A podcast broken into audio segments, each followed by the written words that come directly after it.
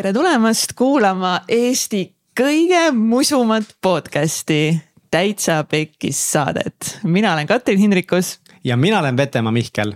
ja siin Eesti kõige musumas podcast'is me inspireerime sind elus tegema julgemaid valikuid, jagades edukate, ägedate inimeste pekkiminekuid.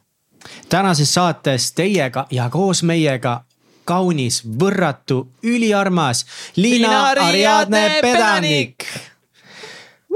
Eh, kui sa juhuslikult ei ole, Liina, väga lennuka ja ägeda muusiku karjääriga kursis, siis eh, Liina on Eesti laulja ning sisulooja ja ka Youtuber. ta on eh, siis koos oma kaaslase Martti Hallikuga või siis Martti Pedanikuga eh, loonud koos sellise Youtube'i kanali nagu Martti ja Liina, millel on üle nelja koma viie miljoni vaatamise. kuid sellest veel ägedam on see, et Liina oli siis kaheksateist aastasena aastal kaks tuhat seitseteist Eesti Laulul esimene esimest korda, kus ta pääses ka finaali ja ning sai suurepärase kuuenda koha. kogu see protsess kaheksateist aastasena kooli kõrvalt sinna minna oli väga pöörane, väga palju paanikat ja ärevust, nii et äh, see oli crazy. aga sellega ei ole ta loomulikult siis piirdunud, vaid aastal kaks tuhat kaheksateist sai ta My Hits Awardil aasta Instagrammeri auhinna ning äh, kaks tuhat kakskümmend aastal esines äh, siis ka Eesti muusikaauhindadel ning samal aastal, kaks tuhat kakskümmend sai Ariadne siis ka Raadio kahe aastaiti valimisel kolmanda koha. ning äh, aastal kaks tuhat kakskümmend kaks pääses ta Eesti Laulus veerandfinaali ning peale selle on ta siis ka saanud väga huvitava auhinna, ma ütlen kohe ära, see on üks väga huvitav auhind ja sellel aastal siis, üheksandal märtsil sai ta siis Nik-, kuidas öelda nüüd seda? Nickelodeon on see vist. Nickelodeon Kids Choice Awards, parim Eesti mõjutaja. Nickelodeon, Nickelodeon, Nickelodeon. Nickelodeon Awards, Choice Awards, parim Eesti mõjutaja, Liina ning äh, enne seda, kui äh, seda suurepärast, sügavat ning väga huvitavat äh, saadet saad kuulama minna, siis kui see saade sind kedagi puudut-, kedagi, sind kedagi. sind kedagi, kedagi., kui see saade sind, sind puudutas ja kuidagi mõjutas, tegi rõõmsaks või inspireeris, siis jaga seda vähemalt ühe oma sõbraga ning aita levitada Liina väga inspireerivat lugu. ja, ja täiega, täiega, täiega kutsun sind meie Patreoni La Familia kogukonna liikmeks. meil on seal väga palju erinevaid eksklusiivseid saateid Mihkli startup'i ehitamisest, pealkirjaga siis kuidas ma ehitan ükssarvikut. siis seal on äh, minu mingid lahutuse protsessimise saated, seal on minu ja Kaido Kubri saated, seal on äh, siis mõned juba üleval meie transformatsioonifestivalide äh, esinemised ja lisaks meie uus siis äh, täitsa pekkis saatesari The Juice Factory, mis on siis minu ja minu kolme kõige lähedasema sõbranna selline Eesti Sex and the City show on see, kus me räägime siis suhetest, seksist, armastusest, tööst, karjäärist, rahast lihtsalt üliausalt ja selle saate võiks kokku võtta väga hästi sellega, et, et paljudel kindlasti on ägedad sõbrad ja sõbrannad. aga, aga kui sa võib-olla tunned, et, et sa ei ole oma sõbrannade või sõpradega rääkinud nii avatult seksist ja kõigist oma muredest töö, karjääri ja naiseks olemisega. siis pane klapid pähe, kuula Juice Factory't ja ole osa sellest sõbrannade ringist ning eh, kuule siis tõelisi muresid Eesti meestega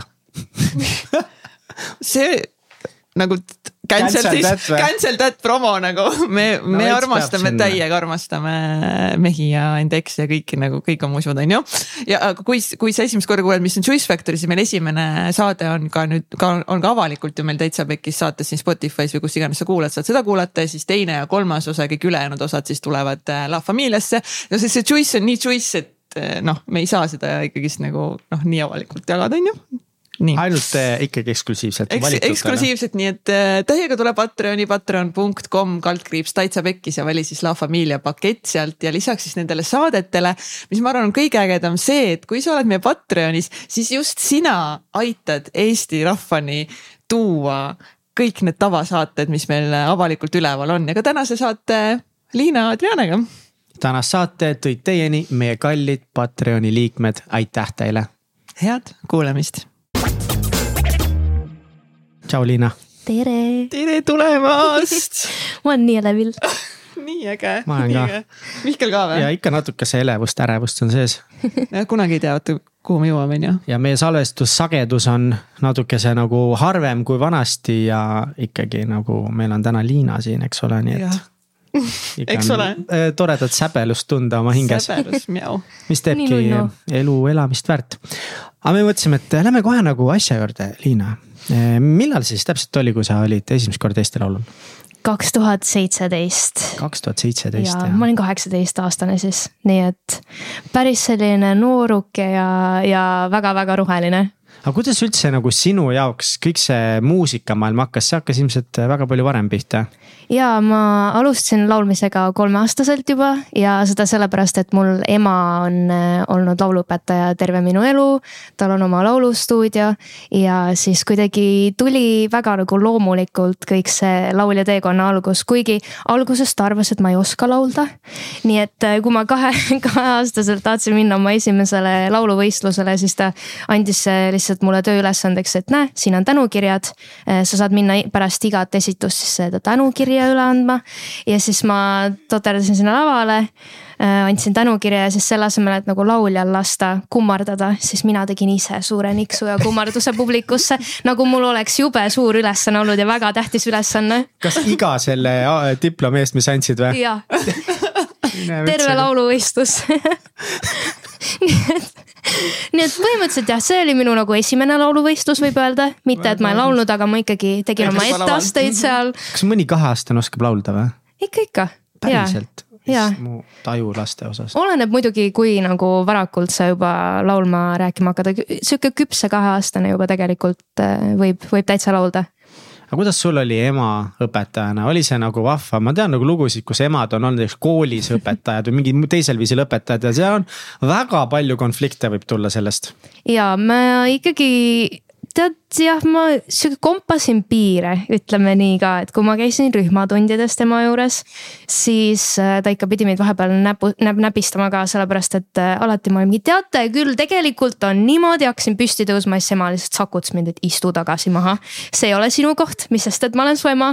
ja, ja kui olid mingid esinemised või, või kasvõi laulutunnis ka, ma ei saanud talle öelda emme, sest et ta lihtsalt ei reageerinud, ta ei pannud tähele, kuna ta oli harjunud, et töökeskkonnas kõik ütlevad talle itarina ja siis mm -hmm. ma juba päris väiksest saati hakkasin teda nagu siis laulustuudios ja esinemistel kutsuma ka tema nagu nime järgi nii et see oli selline ka tavapärane, aga, aga üleüldiselt kuidagi pigem oli raske kohati, aga siis, kui me saime aru, millest meil nagu need probleemid tekivad ja võib-olla siis laulutundides sellised tülid isegi kohati, siis pärast seda oli üli chill.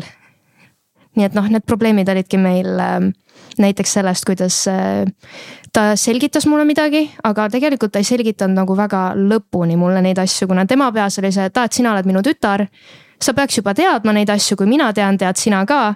ja siis, kui mina aru ei saanud, siis ma läksin endast välja, ma hakkasin nutma, siis hakkas tema nutma, et mida sa jälle nutad, et ei saa aru, vaata. ja, ja tegelikult oli selline, et nagu väga paljud tunnid lõppesid meil nutmisega. aga siis, kui me saime aru, et tead, tegelikult ta peaks mulle rohkem selgitama mingeid asju.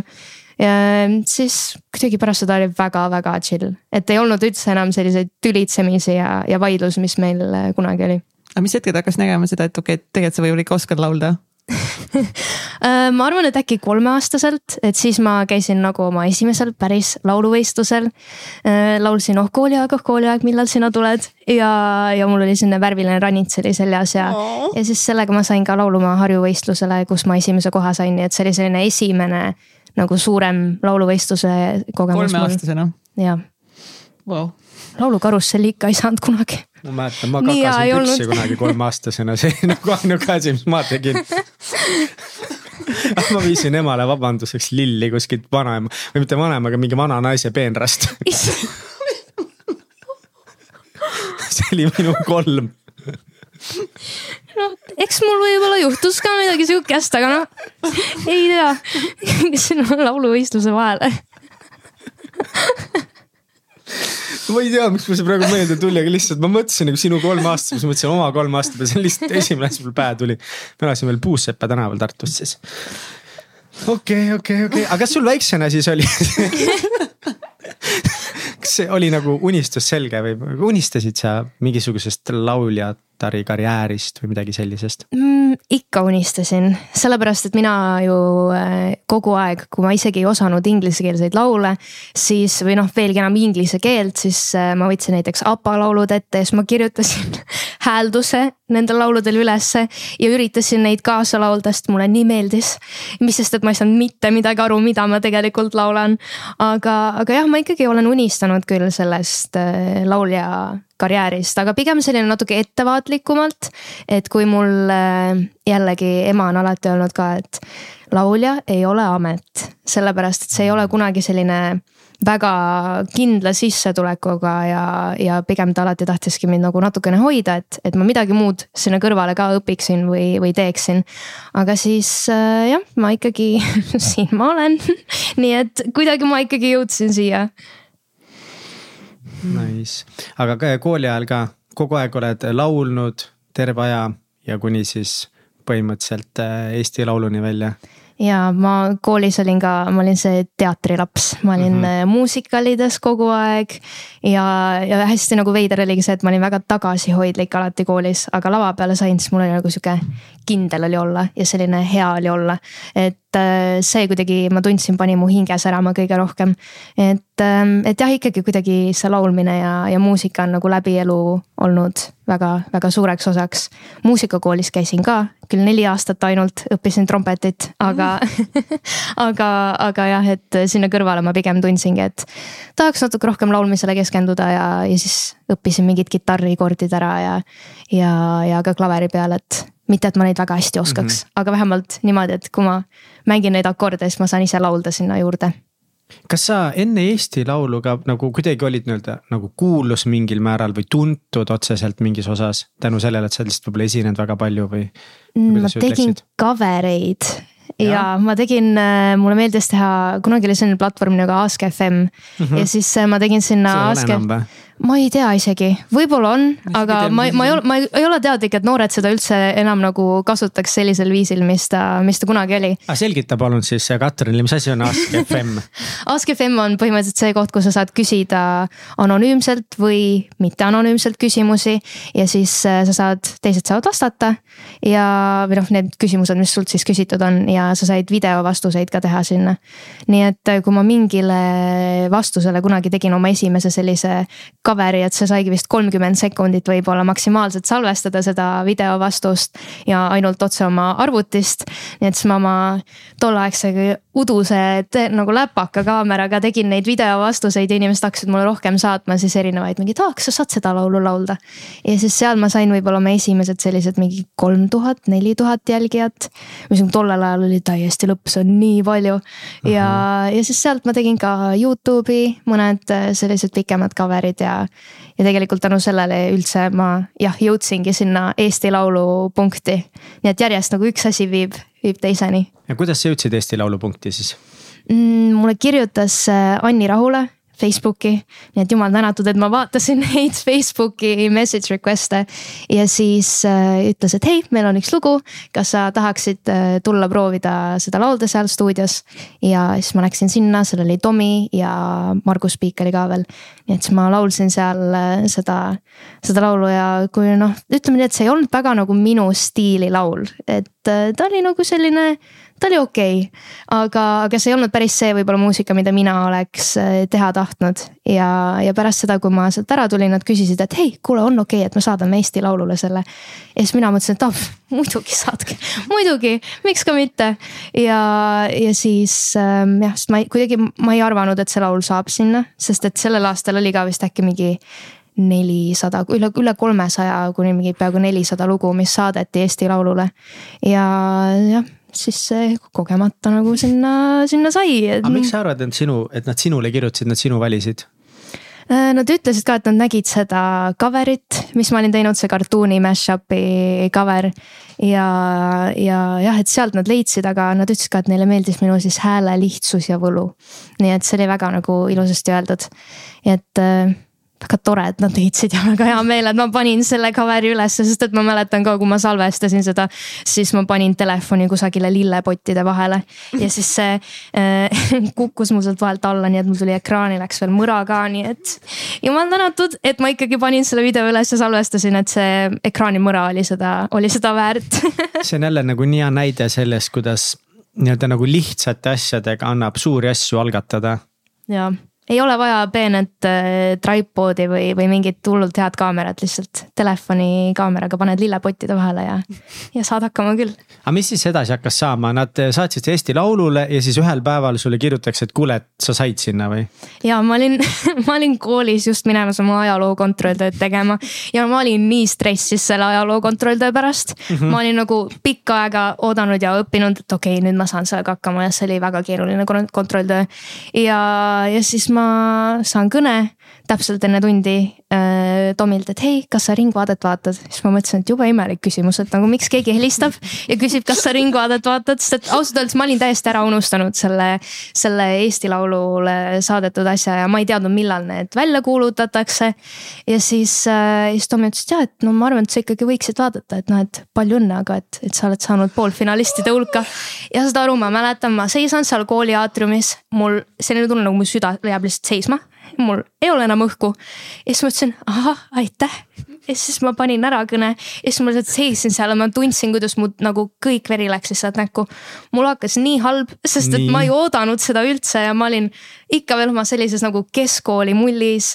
hästi rahulikult ja väga nagu ei arvanud, et ma nüüd siin kohe otse kusagile Eesti Laulule lähen ja siis ma helistasin oma emale esimese asjana ütlesin, et ema ma sain Eesti Laulule, siis ma kuulsin sealt hästi palju ropendamist ema, ema ütles, no mine, no mine ja siis ma, ta lihtsalt, ta jäi nagu kinni sellesse. siis ma ütlesin, et okei okay,, kuule, ma nüüd panen ära. ja siis ta ütles, et, ja siis ta, okei okay,, räägime hiljem. ja siis. aga kas ta oli nagu õnnelik või kuidagi nagu murelik või mis ta oli? ma arvan, et ta oli kõike koos, sest et mul endal oli samamoodi, et ma nagu, issand jumal, ma pean mingite telekaamerate ees esinema, aga teiselt poolt nii lahe, aga samas nii hirmus. ja, ja ma arvan, et mul emal oli, oli ka täpselt samamoodi samamoodi, kuna noh, ma saan oma vanematega lihtsalt nii hästi läbi, nad on minu parimad sõbrad. Mm.. et, et see on nagu kuidagi nad, nad tahavad mind hästi hoida ja nad teavad juba eos ette ära, et see saab olema väga stressirohke periood. ja see oli väga ootamatu. nii et äh, jah, siis ma läksin pärast, ma ei, ma ei läinud seda kontrolltööd tegema ma ei läinud, ma ei suutnud, mul oli nii halb olla, ma mõtlesin, ma suren ära sinna kooli. ja ma läksin autosse ja ma sõitsin minema nii et äh,. keset koolipäeva võib niimoodi minema sõita või? tead, tegelikult ei tohi, see oli esimene kord, kui ma olen nagu tunnist ära viilinud. ja, no, ja see oli, see oli nii, see oli nii hirmus, ma mõtlesin ka, et ma ei saa minna seda kontrolltööd tegema, sest et mul aju, aju oli täiesti sassi yeah. keeratud. ja siis äh, ma läksin koolist ära, ma läksin koju ja siis ma lihtsalt istusin seal. ja siis lõpuks tulid mu vanemad õhtul koju ja siis, ja siis ema tegi mulle vist veel, ma ei suutnud magama ka minna, ema tegi mulle ka ärahelbeputru kell kaksteist õhtul. ja siis ma sõin rahulikult seda putru, vaatasime koos koos Ringvaadet ja ma olin lihtsalt täiesti nagu šokeeritud. nii et äh,. täiesti rivist välja lõi sind see nagu täiesti aga tol hetkel tundsid mingit kahetsust ka mingis osas või? Äh, tead, võib-olla nagu ma mõtlesin ka, et issand jumal, ma pean seda lugu seal nüüd esitama. et noh, isegi kui see lugu, ma ütlen ausalt, mulle ei meeldinud väga palju, siis äh, noh, nähes, kuidas tegelikult sellel laulul läks ja kui palju ma nagu positiivset tagasisidet sain. siis see tähendabki seda, et noh, isegi kui mulle võib-olla ei meeldinud see laul, siis teistele läks see korda. nii et, ähm, et see on jah, sihuke kahe, kahe otsaga asi, et äh, jah, ta ei olnud päris nagu minu, minu stiiliga, et tekkis korra küll see, et ahah, ma pean nüüd seda lugu esitama seal telekaamerate ees. nii et äh, jah, selline väga, väga sassi läks kõik aga mis siis üldse nagu edasi saama hakkab, nagu mina ei tea neid Eesti Laulu telgitaguseid ja mis kõik toimub enne ühte nagu Eesti Laulu, lõpuks ainuke asi, mida mina näinud olen. on see finaal tavaliselt, Eesti Laulu finaal, kus siis keegi valitakse sinna, läheb Eurovisioonile, tundub kõik väga uhke, väga lihtne, väga ilus on ju. mis, mis sinu elus toimuma hakkas siis? no pigem võib-olla kõige veidram oli see, et äh, hästi palju kohtumisi oli, väga palju miitinguid. ja enamus ajast on ikkagi miitingud ja kõik on nagu päeva keskel, samal ajal kui mul on koolipäev. ja mina ei saanud nendelt miitingutelt puududa, ehk siis ma ei saanud koolis käia. mis klass see oli nüüd siis? Äh, kaksteist, nii et oli täpselt see eksamiaasta ka ja kõik väga nagu tähtsad tunnid ja ettevalmistused. ja siis ähm, ühel hetkel jah, kõik, ma saingi aru, et see ei ole väga nagu reaalne reaalne mul käia koolis samal ajal. eriti kui nagu kasvõi noh, mida rohkem aeg edasi läks, seda rohkem oli ka see, et kui ma näiteks koolis aatriumis lõuna pausi ajal siis hakkasin sööma, siis järjest nagu kõik noored tulevad juurde, tahavad pilti teha, siis ma ei jõua süüa. ja siis ei taha nagu kellelegi ära ka öelda, et hei, mul tegelikult olen koolis, ma tahaks õppida siin ja ma tahaks rahulikult oma lõunasöögi ära süüa. et ähm, teisest küljest jah, see oli väga nagu lahe, lahe kogemus ja näha, et nagu oli nii palju toetajaid. aga hästi keeruline oli see kooli, koolis käimisega, et siis ma läksingi individuaalsele õppekavale. ja käisin koolis ainult kontrolltöid tegemas, nii et kogu see kaheteistkümnenda neljanda klassi selline võib-olla kogemus mingil määral natukene läks nagu sassi, aga, aga sellegipoolest mul oli nagu selline kord elus seiklus samal ajal toimumas veel et äh, jah, väga palju miitinguid, kõik erinevad. mis miitingud? no oligi erinevad nagu tiimisisesed miitingud. ütle korra, äh, kaua, mis aja, mis ajaraamist me üldse räägime siin, see, et kui sa mm. teada said, kuni sa lõpuks esinema pidid laval ja oli nii-öelda asi käes? ma arvan, et äh, see oligi äkki vist november kuni ja siis põhimõtteliselt äh, finaal oli äkki märtsi keskel või märtsi alguses.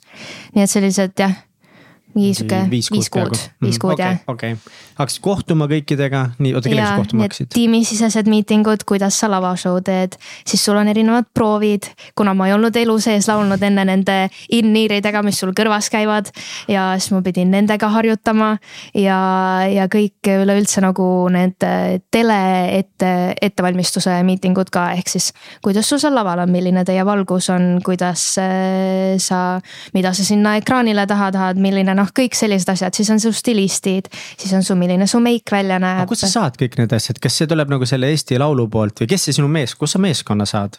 Kes selle no, pulli kinni maksab seda ma ei tea Need põhimõtteliselt ja ikkagi, ikkagi minu nagu oma tiim maksis põhimõtteliselt selle, selle kogu pulli kinni.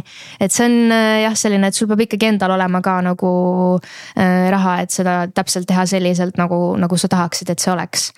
nii et jah, selline keeruline keeruline on see protsess.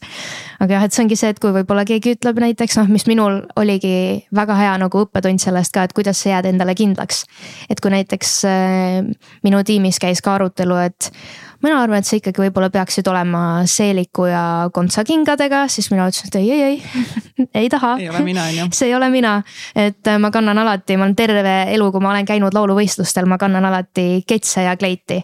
et see kuidagi on noh, et isegi kui ma kannan kleiti, ma alati kannan ketse seal all ja see on minul üks selline mugavus olnud ka, et noh, kui ma oleksin juba seal Eesti Laulul olnud nende kontsakingade ja seelikuga, siis ma ei tunneks üldse ennast hästi. ja ma oleks veel rohkem närvis, sellepärast et äkki ma nüüd kukun siin lava peal ka kõikide ees.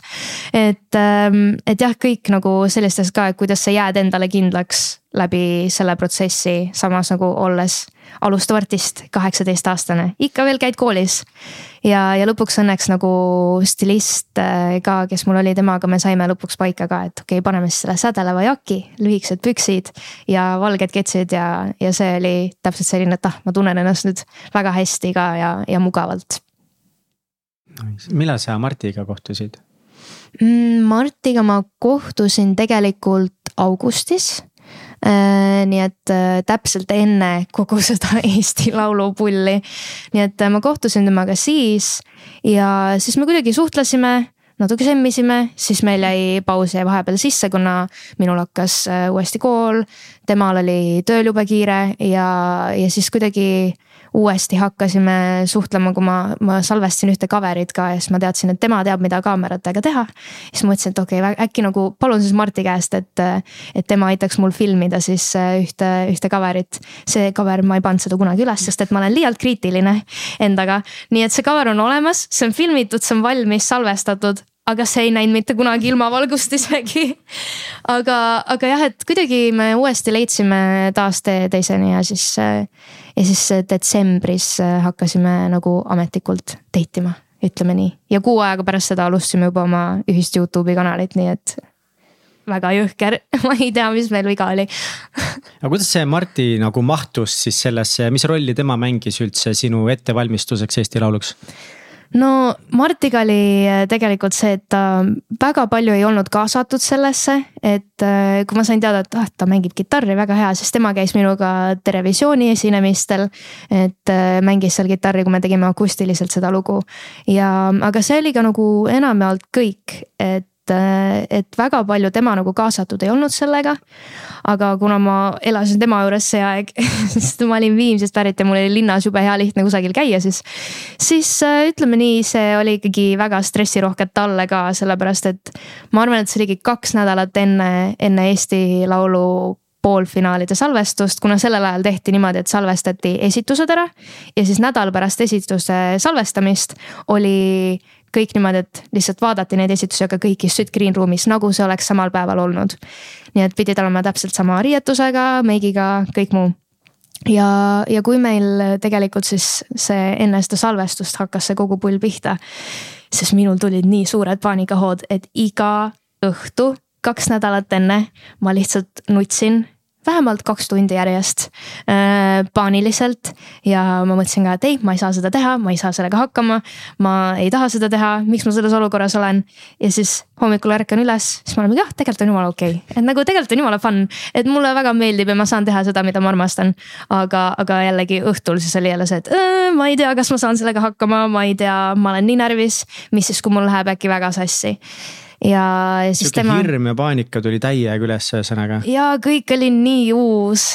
nii et, ähm, et jah, see oli väga selline stressirohke periood, mida Martti lihtsalt kõrvalt nägigi ja ta üritas mind aidata, aga samas see oli talle ka keeruline, kui iga õhtu nagu tüdruk, kellega sa oled kuu aega võib-olla koos olnud, on ju ja teil on ühine Youtube'i kanal ka juba ja siis ta lihtsalt nutab ja on täiesti paanikas ja tema nagu ütles ka, et noh tegelikult sa saad väga hästi hakkama sellega, et, et ei ole midagi probleemi, aga noh, ta üritas sellest lohutada, et, et kuidas nagu seda, kuidas, kuidas, kuidas sellega üldse toime tulla, ma ei tea. aga kas need olid esimest korda sul mingid ärevus, paanikahood või oled varem ka kogenud? Äh, varem ka, et ma mäletan esimest korda, kui mul oli vist selline nagu suurem paanikahoog. ma olin äkki kolmteist ja, ja siis oli ka niimoodi, et siis kuna ma ei teadnud sellel hetkel ka, et kuna mul oli astma ka väga tugevalt, et see nagu paanikahoog läks üle astmahoogs ja siis mulle tuli kiirabi ka ja siis nad olid nii, et ai, tegelikult on nagu okei okay,, natuke hapniku level on nagu madalamal. aga lihtsalt see, et kui sa mingi kaks tundi ei saa hingata, siis ema mm. lõpuks ikkagi kutsus kiirabi ka, nii et. nii et pärast seda ma sain oma astmarohud peale ka ja ja nüüd, nüüd on juba parem, aga, aga jah, nüüd ma enam nagu astmaga ei, ei tegele niimoodi, aga mm, -hmm. aga paanikahood on ikkagi olnud kuidagi sihuke läbiv osa, aga siis alates kolmeteistkümnendast eluaastast olid need nagu sellised päris intensiivsed kuidas sa nendega nagu toime tulid, kuidas need mõjutasid üldse sinu elu, sinu, ma ei tea, elurõõmu, energiataset, igapäevast elu? Kõvasti mõjutasid.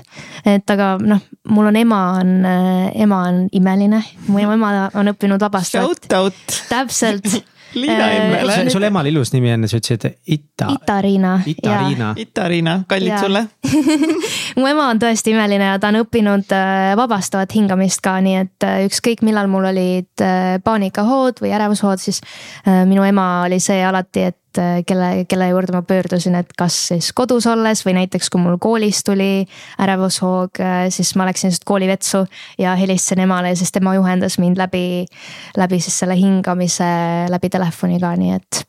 mida sa, mida sa kogesid nende ärevus- ja paanikahoogude ajal, kas nagu selle, et sa sured ära? Põhimõtteliselt küll, see on, see on täpselt selline tunne, et no nii, nüüd, nüüd on kõik siin, sest et sa ei saa hingata, siis kogu tuba läheb lihtsalt nagu täiesti väikseks. ja nahas on nagu, mul on endal võib-olla kõige lihtsam kirjeldadagi seda niimoodi, et sa tunned, et sul on nagu naha all on ebamugav. ja sa ei saa nagu noh, tahaks nagu venitada ja niimoodi nagu teha kuidagi kätega, aga mm -hmm. lihtsalt see nagu nahaalune eba, ebamugavus, mis ei lähe ära. et see on ka nagu väga-väga suur osa sellest. kas sul südame kloppimist on ka tugevat? on, on. see on, see on nii tavaline, see on tead. see on tavaline osa ju see on nii tavaline, et jah, see ongi see, et pulss läheb lihtsalt nii kiireks, käed hakkavad niimoodi käima ja. et äh, kõik jah, see on, terve keha on lihtsalt nagu halvatud sellest täiesti ränk, aga kas sa otsisid äh, juba noorena mingisugust arstiabi ka või midagi, et, et see ikkagi ei ole ju väga tavapärane, normaalne asi, et nii tugev on see paanikaärevus? ma käisin äh, psühholoogi juures aga mitte väga pikalt. sest et lihtsalt see oli sihuke hea näide, et kõik psühholoogid ja terapeudid ei sobi kõigile, et näiteks mm -hmm, oligi, see oligi minu noh, jällegi toon uuesti oma ema siia sisse. et kui ma rääkisin oma emast talle ka, siis ta ütles, et jaa, et aga aga see ei ole, see ei ole õige, et sinu ema on sinu parim sõbranna. et see ei ole niimoodi, et ähm, lapsele peab olema vanem ikkagi nagu autoriteet. et see ei ole õige suhe teil ja ma arvan, et ei peaks seda enam niimoodi jätkama, et see peaks, ema peab olema ikkagi sinu ema ja siis selle peale ma kohe olingi, et no ma ei tea, see ei ole õige ja siis ma ütlesin emale ka pärast, et tead, mis ta ütles mulle. ema ütles, tead, sa ei pea tagasi minema, kui sa tahad, ma ütlesin, ma ei tahagi. ja siis ma ei läinudki ja tegelikult mul nagu noh suuresti minu pere ongi siis isa, isa-ema on need tulnud nagu läbi elu ka nende paanikahoogudega minu nagu selline kõige, kõige suurem äh, tugigrupp. et alles nüüd nagu täiskasvanu eas, võib-olla mingi kaks aastat tagasi ma käisin esimest korda siis äh, nagu uuesti teraapias ja mm -hmm. psühhiaatri juures aga lähme tagasi sinna Eesti Laulu juurde, mis siis, eh, kuidas siis ikkagi see kogu protsess seal, sest lõpuks sa ikkagist lavale ju astusid jah, need viimased ja. kaks nädalat, ühesõnaga, et paanikat oli palju. Marti kodus oli ise peaaegu et paanikas juba, sest sa oled lihtsalt no iga õhtu pöördes, väga ja. ränk, väga kurnav on ju, magamisele mõjutab. ja, aga tegelikult ei ole ju varianti on ju, et sa ei lähe. ei, sa ei saa tegelikult... öelda mingi, kuule tead, ma ikkagi nagu mõtlesin, et ma nüüd ei tee ja õnneks äh, ma kuidagi võtsin ennast kokku ja no see oli jah, selline, et ma mõtlesin juba lava peal ka, et okei okay,, nüüd ma oksendan siin lihtsalt, mul oli nii paha olla. aga ja, ja siis oligi see, et sul on esimest korda esined nende klappidega kõrvas ja siis sul on see body back, kus sul on, saad oma heli keerata, muidugi ma olin selle täiesti maha keeranud, ma ei teadnud, et see mul oli maas. nii et kui, kui ma saadki nagu ühe korra tegelikult ju teha seal seda oma etteastet ja siis ma õnneks nagu poole pealt ma lihtsalt ikkagi keerasin nagu juurde, sest ma ei kuulnud mitte midagi. nii et äh, väga tark sellel hetkel mitte kontrollida seda, ma ei tea. Äh, nii et ma tegin selle ära ja mul oli imeline nagu sihuke pingelangus oli. ja, ja jube hea oli olla sellepärast, et ma olin mingi okei okay,, mul on jumala suva, ma ei pea saama finaali, mul on tehtud ja nüüd on lihtsalt see pingevaba.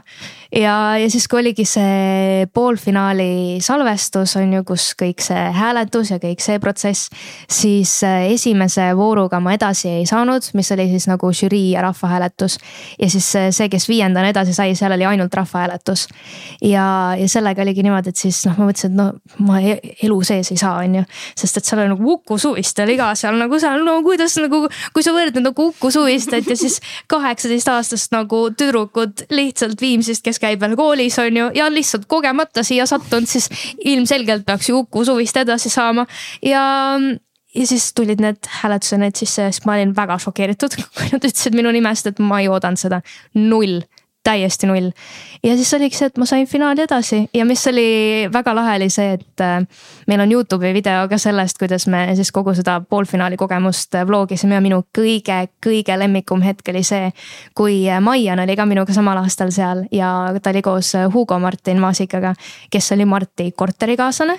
ehk siis Hugo oli ka Eesti Laulul ja mina olin Eesti Laulul ja mina elasin nendega koos. ehk siis me mõlemad saime finaali edasi ja me mõlemad elame samas korteris, nii et see oli nagu, ma ei saa aru, kuidas see juhtus, aga see oli nii lahe, kuidas nad lihtsalt jooksid ka, kallistasid mind, tõstsid mind õhku, et nagu kõik see oli selline lisaboonus, ütleme nii, kogu selle, kogu selle kogemuse juures.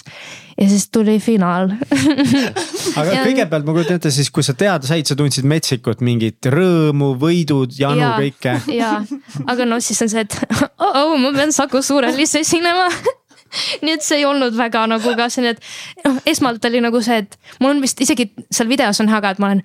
emme, ma sain edasi, siis mingi oh, oh, ma pean Saku Suurhallis esinema nii et see, see on jälle see kahe otsaga asi, et nagu jei, oh, oh. Mm -mm. ja, ja panused Paanika, nüüd, nüüd tõusevad, lähevad, asjad lähevad nagu veel mm, -hmm. veel pingelisemaks, veel suuremaks, on ju ja. see oleks naljakas olnud, kui su ema oleks nüüd veel rohkem ropendanud seal mingi mida oh my god, nii et äh, jah, ja siis äh.... Mart ei hoidnud peast kinni või, veel seda või? tead, siis tal kuidagi noh, mis on üllatav, mul ei olnud ühtegi paanikahoogu enne äh, Saku Suurhallis esinemist, sellepärast et ma olin saanud nii-öelda selle peaproovi läbi teha, mul oli tehtud, ma mingi ah saan hakkama küll mm. -hmm. ei Mhm. ole nii Kogemus hullu midagi ja et äh, enam-vähem juba teadsin, kuidas mingid asjad käivad seda, et tuleb seda volüümi kontrollida enne lavale astumist. ja, ja siis oligi äh, kõik see Saku Suurhallis ka, kui olid veel mitu päeva enne hakkavad ju need peaproovid, on ju. ja siis oli meil pressikonverents seal ka, kus oli väga siuksed vahvad kogemused, Kuidas kuidas siis tead seal jah, ja no räägi, räägi pressikonverentsist. seal ähm, põhimõtteliselt seal oli ka üks sihuke olukord, kus, kus äh, üks ajakirjanik tuli pärast väga ebaviisakalt karjuma äh, minu peale ja ropendama otse mulle näkku ja mul oli, minu ema seisis ka veel minu kõrval ka Miks? selle, et. no ütleme nii, et tal oli võib-olla natukene noh, ma ei tea, ma ei tea, ma ei tea see oli lihtsalt jah, et võib-olla sihuke et natukene üle käte võib-olla läinud mingite asjadega. ja, ja siis kuidagi elas välja seda võib-olla kellegi peal, kes oli nagu hea, sihtmärk. sihuke hea sihtmärk jah. aga mis ta ütles sulle siis? no põhimõtteliselt see, et kuidas, kuidas mina olen vati sees kasvanud ja et, et a la, et noh, et mul ei ole elukogemust ja, ja seal oli ka, et noh eelnevalt seal pressikonverentsil ka, kui nad said küsida neid küsimusi, siis äh, tema oli ka üks neist, kes küsis ja küsis, et tead, kas sa seda artisti tead. ja siis ma ütlesin, et jah, et noh, et ma ei ole, et ma ei ole kursis, aga ma olen nime nagu, nime teadnud, on ju, mina olen nii või naa nii närvis sellel pressikonverentsil mm. -hmm. ja siis äh, need olid siuksed vanemate artistide nimed, noh, et oligi mingi seitsmekümnendatest ja, ja kusagilt niimoodi. ja siis äh, ma põhimõtteliselt äh, tegingi niimoodi, et ma noh, ta küsis veel pärast, kui olid mingid teised küsimused ka veel vahel olnud. ja siis ta küsis uuesti ka, et aga kas sa seda artisti nüüd tead ja jällegi oli selline vanem nimi, ma ütlesin, et jaa, et noh, ma mõnda lugu olen nagu kuulnud, aga, aga see ei ole üldse see nagu muusika, mida mina ise kuulan. aga aitäh küsimuse eest, et hästi nagu viisakaks jäin, mõtlesin ka, et no natuke veidrad küsimused võib-olla on. väga aga lamp- mi, mi, mis eesmärgil sihukest asja üldse küsis või? ma ei tea et kuidagi nagu et nagu tõestada võib-olla, et noh, et noored, Et et nad ei ole nagu palju ja, ja siis Okei. ta ütles ka, et et aga milliseid artiste sa siis ise üldse kuulad ja siis ma tõin erinevaid nagu näiteid ka sinna juurde ja Mhm. siis. Ja siis pärast seda pressikonverentsi ta tuligi rääkima minuga ja siis oligi see, kus noh, need, et mingid jaa, et sa oled vati sees üles kasvanud, sa ei tea seda, seda, seda ja mingi, et. et aga hoopis see artist on palju parem kui sina ja siis noh, nii või Vau. naa, ma olin nii närvis ja ma olin nii nagu endast väljas, mul oli, pole kunagi pressikonverentsil olnud, ma ei tea isegi, kuidas asjad toimivad Ja, seal, aga ma olen suht kindel, et see ei ole osa nagu normaalsest pressikonverentsist. või samas see vist just on osa normaalsest pressikonverentsist. Provokatiivsed, ebaviisakad, nõmedad küsimused. võimalik jah, nii et noh, mina pärast seda jooksin lihtsalt sinna oma riietusruumi. ja siis äh, läksin sinna, ma hakkasin nutma, kuna ma olen väga emotsionaalne inimene ja siis ma hakkasin nutma ja siis ma ütlesin, ma ei tea, mida ma valesti tegin, enda arust vastasin hullult mm -hmm. kenasti, et ma ei tea, mida ma tegin talle. ja siis sellel aastal äh, Mart Normet korraldas Eesti Laulu ja ta tuli, kohe jooksis mulle järgi, tuli sinna ja ta oli nii tore, kogu Eesti Laulu tiim oli nii tore, nad tulid, nad reaalselt hoidsid mind nii hästi, nad tulid minu juurde, raudselt, mind ütlesid, kõik on hästi. ja et palun väga vabandust, selline asi juhtus ja nagu ma tõesti tundsin ennast nagu hästi hoituna äh, kogu selle, kogu selle tiimi poolt, et, et selles, selles mõttes oli väga-väga super. ja siis äh, oli mul esimene kampaania, selline suurem kampaaniavõte ja siis ma suutsin ennast vigastada seal nii palju, et ma tõmbasin seljadiski ära nädal enne Eesti Laulu Saku Suurhalli finaali. What? nagu seljadiski täitsa paigast. jah, aga ma ei teadnud seda. nii et äh, meil oligi see, et ma esimene päev oli nagu, oota, okei okay,, kuidagi nagu noh, natuke veider on olla, selg on valus, ei ole hullu. järgmine päev äh, kummardan ja siis ma tunnen mm, -mm, mul tuli mingi väga terav valu nagu otse seljast kuni pealakke ja nagu varvast ja sõrmeotsteni välja. ja siis ma kukkusin nagu lihtsalt nagu vajusin ümber, keha läks täiesti šokki, hakkasin nagu värisema ja, ja mulle siis. meeldib, kuidas sa nagu nii nagu relaxed räägid seda, ei midagi, siis mul keha läks šokki, ma kukkusin küllili pikali maha, sest ma olin üleni krampides, aga ei muidu, kuidas teil läheb? ma olen, ma olen jah, kuidagi nagu sellega juba rahu teinud, et oli nii ja nüüd tagantjärgi on nagu huvitav kogemus. oota, aga mis sa seal maas värisedes siis peale hakkasid? no oligi see, et ma olin Marti juures ja siis ma õnneks suutsin natukene nagu noh, ma ei suutnud karjuda teda, ta oli teises toas, aga, aga hea, et ta oli kodus olemas. ja siis ma vaikselt ütlesin ka, et nagu Marti, Marti, siis ta tuli, nägi, kuidas ma seal põrandal olen, on ju täiesti noh täiesti mingi värisen põrandal maas, näost jumala valge, kutsus kiirabi, kiirabi, kes läksin EMO-sse. ja siis nad koputasid mulle paar korda selja peale ja siis ütlesid, et aa, sul on neeruvaagna põletik, siis ma olen mingi okei okay,, lahe vähemalt saab ravida vaata antibiootikumidega. siis ma sain antibiootikumid peale, siis need ei püsinud mul organismis sees, sest et tegelikult mul ei olnud vaja neid ja lihtsalt selg oli. ei mul ei olnud neeruvaagna põletikku ja ma sain alles mitu kuud hiljem teada, et mul on äh, seljadisk on paigast ära. Nii et äh, jah aga kuidas see, mis see tähendab antibiootikum, mis, mis, kuidas see keha reageerib sellele, kui antibiootikum pole üldse vaja no,? sa lihtsalt oksendad need välja kõik Aa nii et äh, see oli jah, nagu sihuke hea kirss tordil veel äh, kogu sellele nagu valule, mis wow. nii või naa oli, on ju.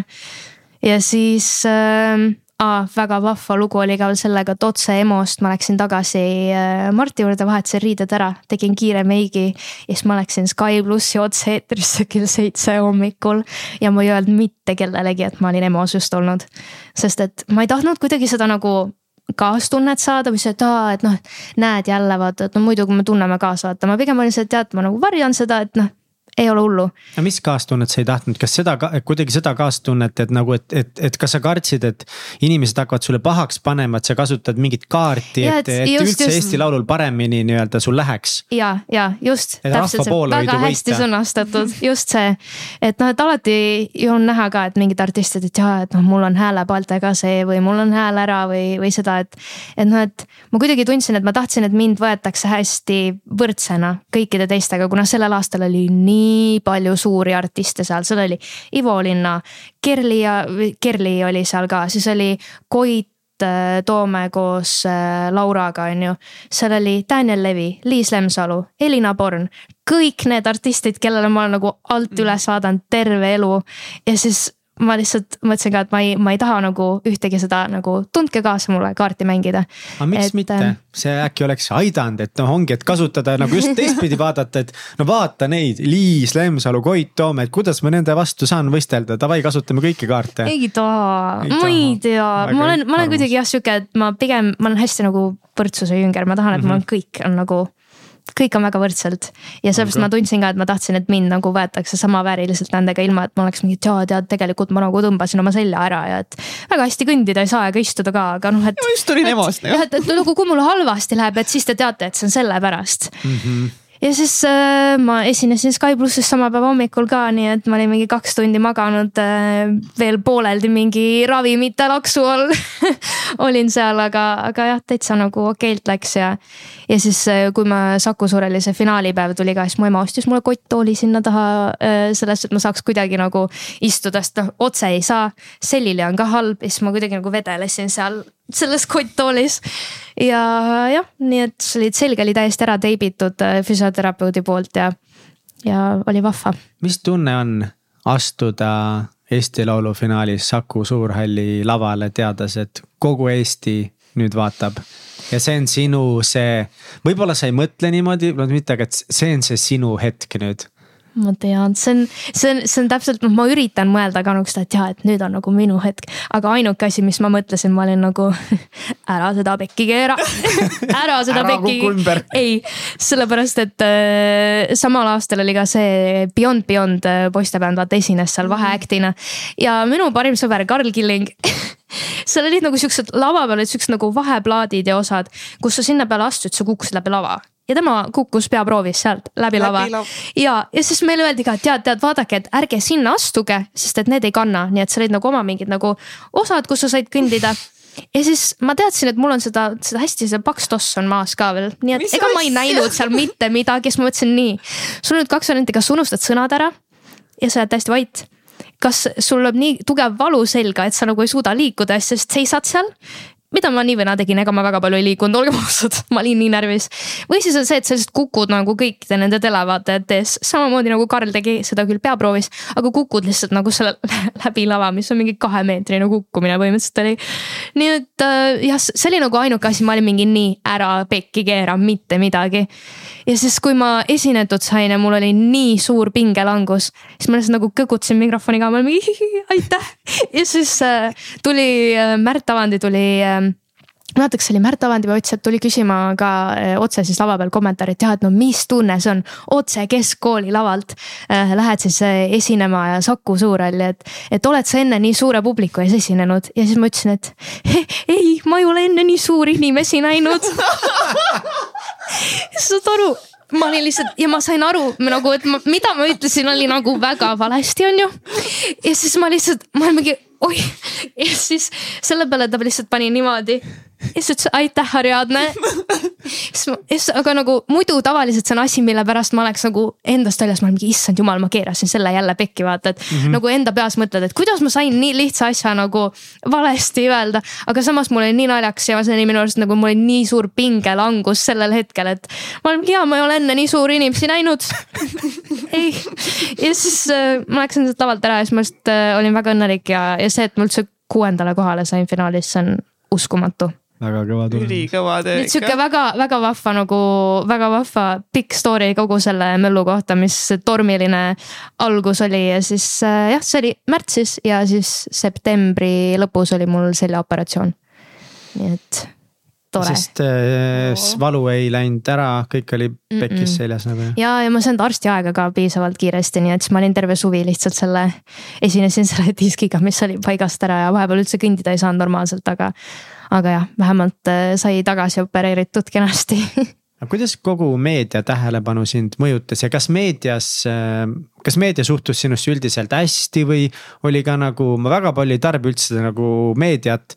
ja lihtsalt vahepeal meedias on väga palju nagu tuhnitakse inimeste elus, proovitakse tekitada igast draamasid, teemasid, asju, et kuidas. kuidas kogu see meediapilt sinust oli kogu selle protsessi käigul ja kuidas sellega toime tulid, oli seal midagi? pigem oli ikkagi nagu selline väga positiivne ja noh üldjuhul oli see, et äh, inimesi lihtsalt äh, huvitas, et noh, kui kõik need meediaartiklid ja, ja asjad tulid ka, siis ma kohe tuli nagu väga palju mingeid intervjuu küsimusi tuli sisse, et hei, me oleme siit Õhtulehest või me oleme siit Delfist.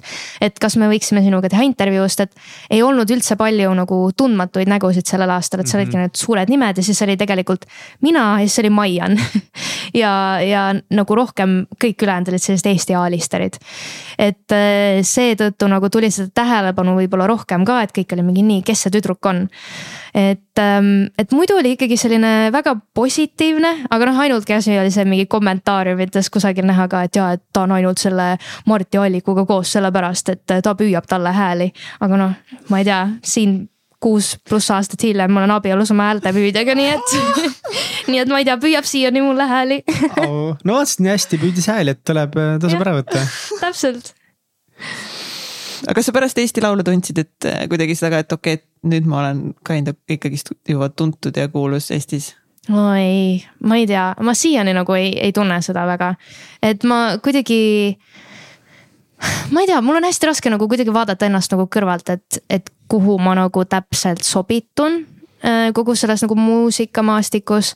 et, äh, et pigem jah, ma olin sihuke, et no ma ei tea, ma lihtsalt teen oma asja ja, ja teen seda nii hästi, kui ma saan ja ja teen, üritan teha muusikat edasi, et kuigi ma noh, võtsin veitsa väikse sihukese pausi pärast seda Eesti Laulu möllu muusikast, aga, aga ikkagi esinesin ja, ja lihtsalt kuidagi tahtsin nagu nautida seda, sest ma teadsin, et okei okay,, ühel hetkel noh, see ei saa igavesti ikka kesta, vaata, et siis ma lähen võib-olla nagu. no ma tahaks väga kosmeetikuks saada, lähen erakosmeetikakooli, et siis mul nagu sihuke päris amet ka juures. aga noh, siin ma olen nüüd mingi kuus aastat hiljem, ei ole ikka veel see maha vaibunud, nii et nii et olen, olen ikka, olen ikka samal, samal laineharjal edasi asjad ei läinud üldse nii, nagu ma olin planeerinud. aga eh, Marti, tema kogu selle pulli käigus ei mõelnud, et nagu pff, see kõik on liiga crazy ja see tüdruk nutab liiga palju ja. oli küll. oli või? ja ta, ta alguses muidugi ei rääkinud seda mulle yeah., aga, aga pärast seda ähm,, kui oli, äh, kui see, ta mõtles ka, et noh, et okei okay,, las see Eesti Laulu asi olla ära ja siis noh, vaatame, kuidas edasi, sest et kui mul nagu terve elu hakkab niimoodi, et see, see tüdruk lihtsalt nutab nagu absoluutselt iga asja peale ja kogu aeg on täiesti nagu paanikahoogudes. siis see lihtsalt talle on ka seda nagu nii palju ja eriti kuna noh, ma ei osanud nagu kommunikeerida ka seda, et kuidas ta saaks mulle abiks olla, sest et ma olin lihtsalt täiega nagu ma ei taha, kõik on nii halvasti ja kõik on nii pahasti ja ma ei taha mitte midagi teha. et ähm, noh, nüüd meil ongi, kui mul on teinekord selliseid olukordi, siis tema juba teab kuna ma olen talle öelnud, kuidas nagu mind kõige paremini sellistel hetkedel toetada. aga jah, ta ütles ka, et, et mõtles, et ah, see teeb selle Eesti Laulu asja ära ja siis vaatab nagu, kus, kus maal me oleme, et nagu kas kestab igavesti või ei. kuidas siis on läinud nende ärevushoogudega? tead, pigem rahulikult, et praegu neid ärevushooge on ikkagi vähem olnud, aga nad on, ähm, nad on pigem lihtsalt sellised emo-, kui mul nagu on hästi palju erinevaid mingeid asju tuleb sisse korraga või kui on stressirohkem periood. või näiteks, kui ma olen pidanud hästi sotsiaalne olema pikalt või või mhm. kusagil niimoodi, siis need tekitavad mul sellise nagu ülekülluse ja siis ma lihtsalt äh, tulen koju, siis ma olen nii väsinud, et tavaliselt ma just nutan aga Martti on väga harjunud sellega siis ta on mingi, et noh, tule siia, vaata. et äh, mis on nagu, me oleme hästi selgeks saanud, on see, et, äh, et kas mul on vaja lahendusi või mul on vaja tuge mm. -hmm. ja siis seda ma nagu oskan talle kommunikeerida ka mingi, tead, mul on praegu lihtsalt tuge vaja. või siis tead, palun aita mind anna mulle lahendusi, kuidas me saame nagu siit edasi minna või mis on need tööasjad, kuidas ma saan nagu paremaks. et et jah, see on väga hea selline nipp ka, et äh, kui on, partner on siis nagu endast väljas, et äh, kas sul on vaja tuge või sul on vaja, et ma aitan sul lahendusi otsida. enamus ajast on ikkagist ainult tuge vaja, on ju. ja, ja, ja., et alguses on tuge ja siis võime lahendusi otsida, aga alguses on äh, pigem jah, ikkagi see, see tugi on nagu kõige, kõige suurem osa see on täiega nagu hea teadmine võib-olla kõikidele, kes puutuvad inimestega kokku, kellel on ärevushooge või paanikahooge. minu äh, tüdrukul Kätlinil on ka nagu vahepeal on ärevushood, paanikahood ja täiega olen õppinud kuidas nendega toime tulla ja mis seal nagu tegema peab, kuidas, mis on see nagu veel, kus sa ütlesid, et äh, Mart juba päris hästi teab, kuidas sind toetada, sa oled ise ka aru saanud ja see, see välja anda, kuidas see toetamine käib, et kuidas see käib siis? Mm, üldjuhul ongi see, et äh, noh mina lihtsalt tahan, et ta oleks nagu minu juures olemas. ehk siis äh, kui ta näeb, et mul nagu hakkab minema nagu juba vaikselt nagu tass hakkab liiga täis saama, hakkab üle voolama. siis, äh, siis ta ongi tavaliselt tule siia ja siis äh, ma lihtsalt lamanda peal ja siis ta, ta on arvestanud, et okei okay,, sellest särgist ei jää nagu midagi alles, ma pean pärast riided ära vahetama. ja siis ta lihtsalt nagu teeb mulle selja peale pai. ja siis ma nutan ta peale ja nutan täiesti tühjaks ennast ja siis ta räägib minuga, ütles ka kõik on hästi, see on okei okay,, lase kõik välja endast et ei mm -hmm. ole mhm. nagu seda, et ma peaks ennast nagu kuidagi tagasi hoidma mm. -hmm. et ma saangi lihtsalt kõik emotsioonid läbi lasta. ja, ja üldjuhul on ka nagu see, et äh, pärast seda ta siis toob mulle paberit ma saan nina ära nuusata ja, ja lihtsalt rääkida nagu läbi ka minu emotsioonid, et mis on nagu see, mida ma täpselt tundsin sellel hetkel ja mis võib-olla viis selleni. et see on jah, nagu selline kõige, kõige parem, kõige parem viis minu jaoks vähemalt isiklikult mis sa arvad üldse nagu, mis selle, mis selle taga on, oled sa nagu mõelnud, ühtepidi sa ütlesid, et sa oled äh, väga emotsionaalne inimene, inimesed ongi, mõned on palju emotsionaalsemad kui teised ja nii palju, kui mina aru olen saanud. siis kunstnikud tihtipeale ongi väga emotsionaalsed, sest sealt nagu see kunst tuleb, sealt tuleb yeah. see looming.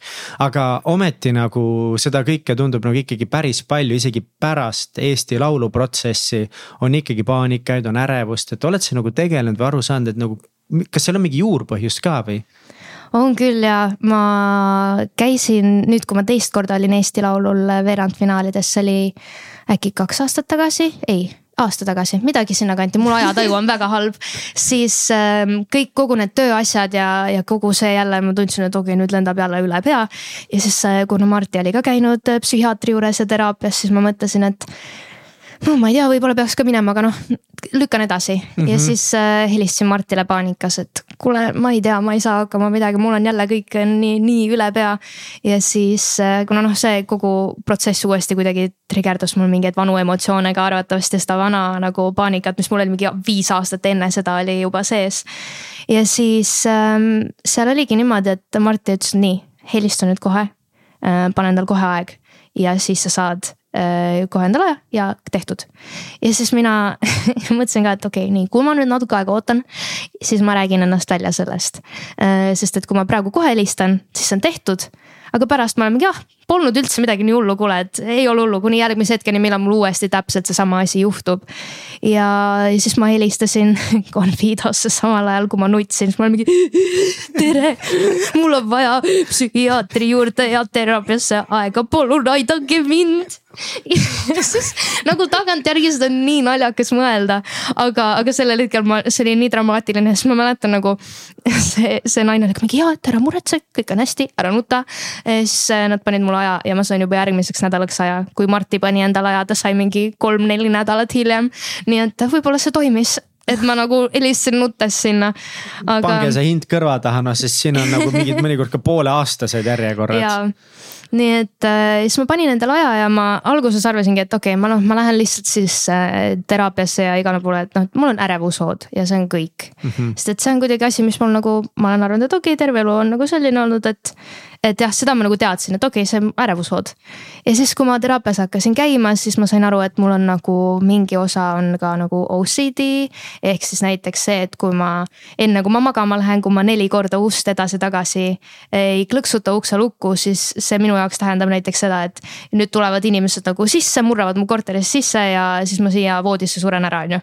et kui ma seda ei tee, siis on halb, mina arvasin, et see on lihtsalt mingi osa mu õhturutiinist, on ju et see tundub nagu nii normaalne normaalne, et okei okay,, noh, käin, teen selle ära ja siis ma võin rahulikult magama minna ja noh, seal on teisi asju veel. ma olen filmidest näinud seda over compulsive disorder või, või? ja, ja kuidas, kuidas see. obsessiivkompulsiivne häire, jah nii et äh, seal on hästi palju erinevaid vorme, noh, et kas sa teed mingeid nagu nimekirju, mida mina teen mm -hmm. ka mhm. nimekirju, et. et ma ei ole nagu see, kellel peab hullult korras kõik olema yeah., aga isegi nagu mu asjadel nagu mingi oma koht või et näiteks nagu oma viis, et kui ma pesen käsi, mul peavad saama mõlemad käed märjaks, sest et kui ma panen rätikusse ühe kuiva käe ja teise märja käe, siis see on minu jaoks nagu mul on sihuke tunne, et mu aju nagu lõhkeb, sest et nagu see ei. erinevad, erinevad materjalid jah, või nagu kuidagi sihuke erinev tunnetus kahel erineval käel. nii et need on nagu mingid sellised väiksed asjad, mis minu jaoks olid, ah see on normaalne. -hmm. aga tegelikult nendega saab nagu töötada ja sa ei pea sinu elu siis nagu tagasi hoidma. nii et siis ma hakkasin seda harjutama ja siis äh, läks mõni aeg mööda ja siis mul terapeut oli mingi, kuule Liina, et mul on, mul on üks asi, mida ma olen nagu mõelnud. et äh, kas sa ei arva, et äkki sa võid olla autismispektrumil? ja siis mina mõtlesin seda, et ma olen mingi, ah, mis asja mina, ma küll ei tea. ja siis ta tõi nagu kõik need näited ette, mis mul on nagu olnud, millest me oleme rääkinud. kas ja... sa oled nõus jagama ka mingeid näiteid? ja näiteks äh, sensoorne ülitundlikkus on üks asi, mis mul on hästi tugev, et äh, erinevad valgused, erinevad helid, ma käin igal pool, mul on need suured kõrvaklapid on kaasas äh,. erinevad materjalid naha vastas toit ei tohi mul näiteks noh, kui ma muidugi, kui ma väljas söön, mul on nagu mingi, söön mingi burgerit või pastat, siis on nagu okei okay,, aga kui ma kodus süüa teen teen, näiteks ma noh, ma ei tea, oletame, ma teen, mul on tofu, mul on riis, mul on äh, näiteks brokoli ja lillkapsas, siis nad peavad olema kõik mul taldrikul eraldi, need ei tohi mul omavahel kokku puutuda, sest et muidu ma ei saa süüa seda. kui ma ise oman kontrolli selle üle, siis ma ei saa süüa seda. ja jah, ongi kuidagi nagu mingid sellised asjad näiteks toiduga ja siis see ülim emotsionaalsus, mis sinna juurde käib ja, ja võib-olla ka kuidagi see teiste inimeste emotsioonide mõistmine ja see, kuidas noh, minu arust oli hästi normaalne, et kõik õpivadki emotsioone niimoodi lapsepõlves ka, et sa vaatad filme. vaatad, kuidas teised inimesed sinu ümber käituvad ja siis sa pead kuidagi, okei okay,, see nägu äh, see emotsioon võrdub viha. et sa kuidagi teed nagu need ära omavahel ja siis see on nagu see nagu skript, mis sul terve elu jääb nagu pähe. okei okay,, need märgid on sellest, et sa kogu aeg nagu pead mõtlema kaasa sellele. sa nagu teadlikult pead äh, nii-öelda mõtlema selle peale ja oma peas kasutama seda mapping ut, mis sa teinud oled ja, ja mis see on, et sa, et sa oh. nagu otse intuitiivselt ei, ei pruugi aru saada, mis emotsioon on. sa oled lihtsalt ära õppinud, milline on milline emotsioon. ja, ja minu arust okay. see oli nii normaalne, ma arvasin, et kõik teevad, ma arvasin, et kõik teevad ja. seda. ja, ja, ja. ja, ja just noh, enda emotsioonidest arusaamine on ka väga keeruline, mistõttu ongi nagu mingid sellised noh, meltdown'id ja asjad. et äh, mul on eraldi kodus ka, mis mul terapeut andis ka, on, on selline emotsioonide kirjeldamise äh, vihik. ja siis see on lihtsalt sihuke pataks pabereid, kus on erinevad nagu füüsilised mingid omadused, mis nagu see emotsioon võib tekitada sinus nagu füüsiliselt. ja siis on see, et mis on nagu need äh, muidu nagu teised märgid ja siis on seal emotsioon, viha või kurbus või äh, noh, mis iganes. ja, ja siis teinekord, kui ma nagu kodus ei saagi aru, et ma tunnen, et ma olen nagu endast väljas aga ma ei tea, mis nagu mind viis selleni. siis ma just võtan selle lahti, siis ma vaatan, okei okay,, nii, mul on see, mul on see, mul on see, ahaa, see on võib-olla see. ja siis ma kuidagi saan nagu enda peas palju paremini Aha. kõik asjad nagu ära ühendatud. ja jah, see kuidagi on minu jaoks nagu sihuke hästi loogiline olnud, et ma alati arvasin, et kõik teevad seda. ja noh äh,, võib-olla see ka, et hästi nagu silmkontakti hoidmine. et näiteks, kui ma praegu teiega ka räägin, siis tegelikult peas ma samal ajal mõtlen, et ma olen mingi nii, neli, viis, kuus, ma hoian silmkontakti, siis ma saan vahepeal kõrvale vaadata või näiteks üles vaadata. ja siis ma jälle nagu hoian natuke aega silmkontakti, sest et noh, sa ei taha tunduda kellelegi ebaviisakas. ja et üldiselt ongi mingid. see võtab väga loomulikult välja see.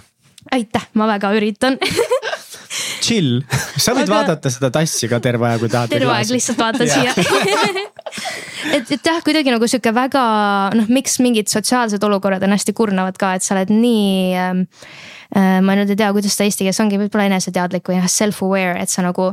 okei okay,, kuidas ma, kuidas mu kehahoiak on nagu mingitel meeting utel ka, et, et, et ma nagu oleks avatud, et ma ei, ei ole nagu niimoodi kogu aeg, kuigi niimoodi on võib-olla kõige nagu mugavam, on ju, et. et kuidas ma nagu tundun teistele inimestele ka, et see kogu aeg käib pea nagu topeltkiirusel. tööd oma peas kui teised inimesed igas ja. olukorras on ju ja, ja oligi see, et kui ta mulle seda siis nagu välja ütles ka, et kuule jah, ma arvan, et see võiks olla, ma rääkisin su nagu psühhiaatriga ka ja et noh, et tegelikult see on asi ju, millel sa ei saa nagu noh, see ei ole asi, millel saad mingit ravimit võtta. ja, ja siis äh, ma tegin äh,, mul ei ole nagu lõplikku diagnoosi tegelikult. et äh, kuna noh, minu arust see ei ole nagu oluline minu jaoks, kuna see ei muuda nii või naa mul mitte midagi, et ma tegin äh, pika sellise mingi megapika küsitluse tegin kohe pärast seda teraapia sessiooni ära, mis on siis nagu sihuke mega-mega palju küsimusi oli tõesti seal, kus siis ma arvan, et ma istusin mingi poolteist tundi seal, tegin seda. ja siis äh, lõpuks andsin sisse, siis seal selle punktiskaala põhjal ta äh, vaatab nagu, kus kohas sa sellel spektrumil paikned. Ähm, ja see oli vist äkki mingi Cambridge'i ülikooli mingi koostatud test mm -hmm. kunagi ja siis seda päris paljud nagu terapeudid kasutavad ka ja siis noh, et edasine samm oleks olnud see, et ma oleks pidanud oma emaga minema sinna ja siis noh, lapsepõlvest ja asjadest ka rääkima, aga ma mõtlesin ka, et tegelikult noh, see ei, see ei muuda mulle nagu mitte midagi, kui ma nagu saan selle nii-öelda ametliku diagnoosi, sest et absoluutselt kõik need asjad, millest me oleme rääkinud ja, ja kõik see, et see tegelikult on nagu minu jaoks nii loogiline ja see võtab mind kokku ka ja siis. ja täpselt seda nagu minu nii psühhiaater kui terapeut arvasid ka, nii et selline vahva osa. aga kas, aga selle testi tulemust sa tead või? ja ma tean, seal ma ei mäleta täpset nagu punkti summat, aga see on nagu üle poole natukene olin ma seal. ehk siis see ongi noh, tegelikult ju kunagi oli Aspergeri äh, diagnoosi anti ka välja. aga, aga seda enam ei tehta, kuna ta on tegelikult ikkagi sama osa sellest äh, autismispektrumist, nii et nüüd on lihtsalt kõik on nagu autismispektrumi äh, diagnoos. kui, kui sa oskad üldse kirjeldada, kas oskaksid kirjeldada, mida see nagu täpselt tähendab üldse see sõnade kombinatsioon autismispektrum? see ongi ähm, noh seda on väga keeruline sele, seletada, sellepärast et väga paljudel on see väga erinevalt. et ongi noh, et äh, mina käisin ka oma emaga hästi palju näiteks äh, lapsena kaasas äh, Viimsi invaühingu laagrites. kus me tegime siis noh muusikatunde ja asju, esinesime nendele lastele ka ja. ja seal oli ka ikkagi nagu noh, autismispektrumil lapsi, kes olid näiteks mitteverbaalsed. et see ongi täiesti nagu vastavalt sellele, et milline see laps ise on mm. -hmm. et jah, see on sihuke, ma ei teagi, täiesti nagu oleneb. kuidas see, aga kuidas see esimene emotsioon sul ikka oli, kui seda nagu öeldi, millele sa siis mõtlesid? ma alguses oli sihuke, et ah, mina, ei, oota, aga ma nagu tegelikult saan suht okeilt hakkama.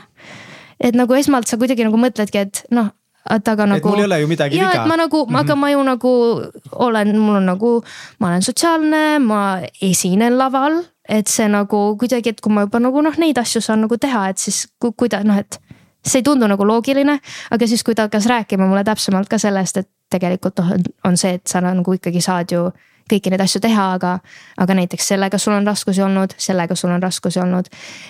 kui sa oled pärast nagu sotsiaalseid olukordi, sa oled nii väsinud lihtsalt ka, sest et su aju töötab topelt kiiremini. ja, ja kõik need asjad, mis ta järjest tõi, siis ma sain aru, et okei okay,, jaa, tegelikult küll. näiteks rääkides kooliajast, kõik see nagu koolis käimine põhikoolis, algkoolis, kõik asjad, kuidas sa pead nagu klassiruumis istuma, õppima ja siis kohe, kui keegi mingi kõrval, noh, ma ei saanud keskenduda koolis ka väga hästi. ja see ei tähendanud, et ma oleks nagu kuidagi laisk olnud, aga mu hinded ei olnud kõige paremad lihtsalt sellepärast, et see kuidagi kooli nagu süsteem ei toetanud mind, et ma nagu kõige paremini tegelikult saingi hakkama siis, kui ma tegin kodus ise üksinda mm -hmm. oma asju. ja nii, et äh, kui ma olin Eesti Laulul ja ma tegin, sain nagu õppida rahulikult oma toas vaikuses või panin mingi hästi vaikse mingi lo-fi endal mm -hmm. mängima. Äh, see toimis mulle lihtsalt nii palju paremini kui see, et ma olen seal koolikeskkonnas ja siis seal on need õudsad need laevalgused, mis sulle kriiskavad sinna ja siis on erinevad need koolipingid, millal sul ei ole mugav ja siis äh, õpetaja seletab midagi, mis on nagu kõik peaksid sellest aru saama, aga tegelikult mul läheb nagu võib-olla natuke kauem, et mingitest asjadest aru saada. et alguses oli sihuke, et ahah, okei okay,, mina, ei, see ei saa olla mina. aa, tegelikult väga loogiline.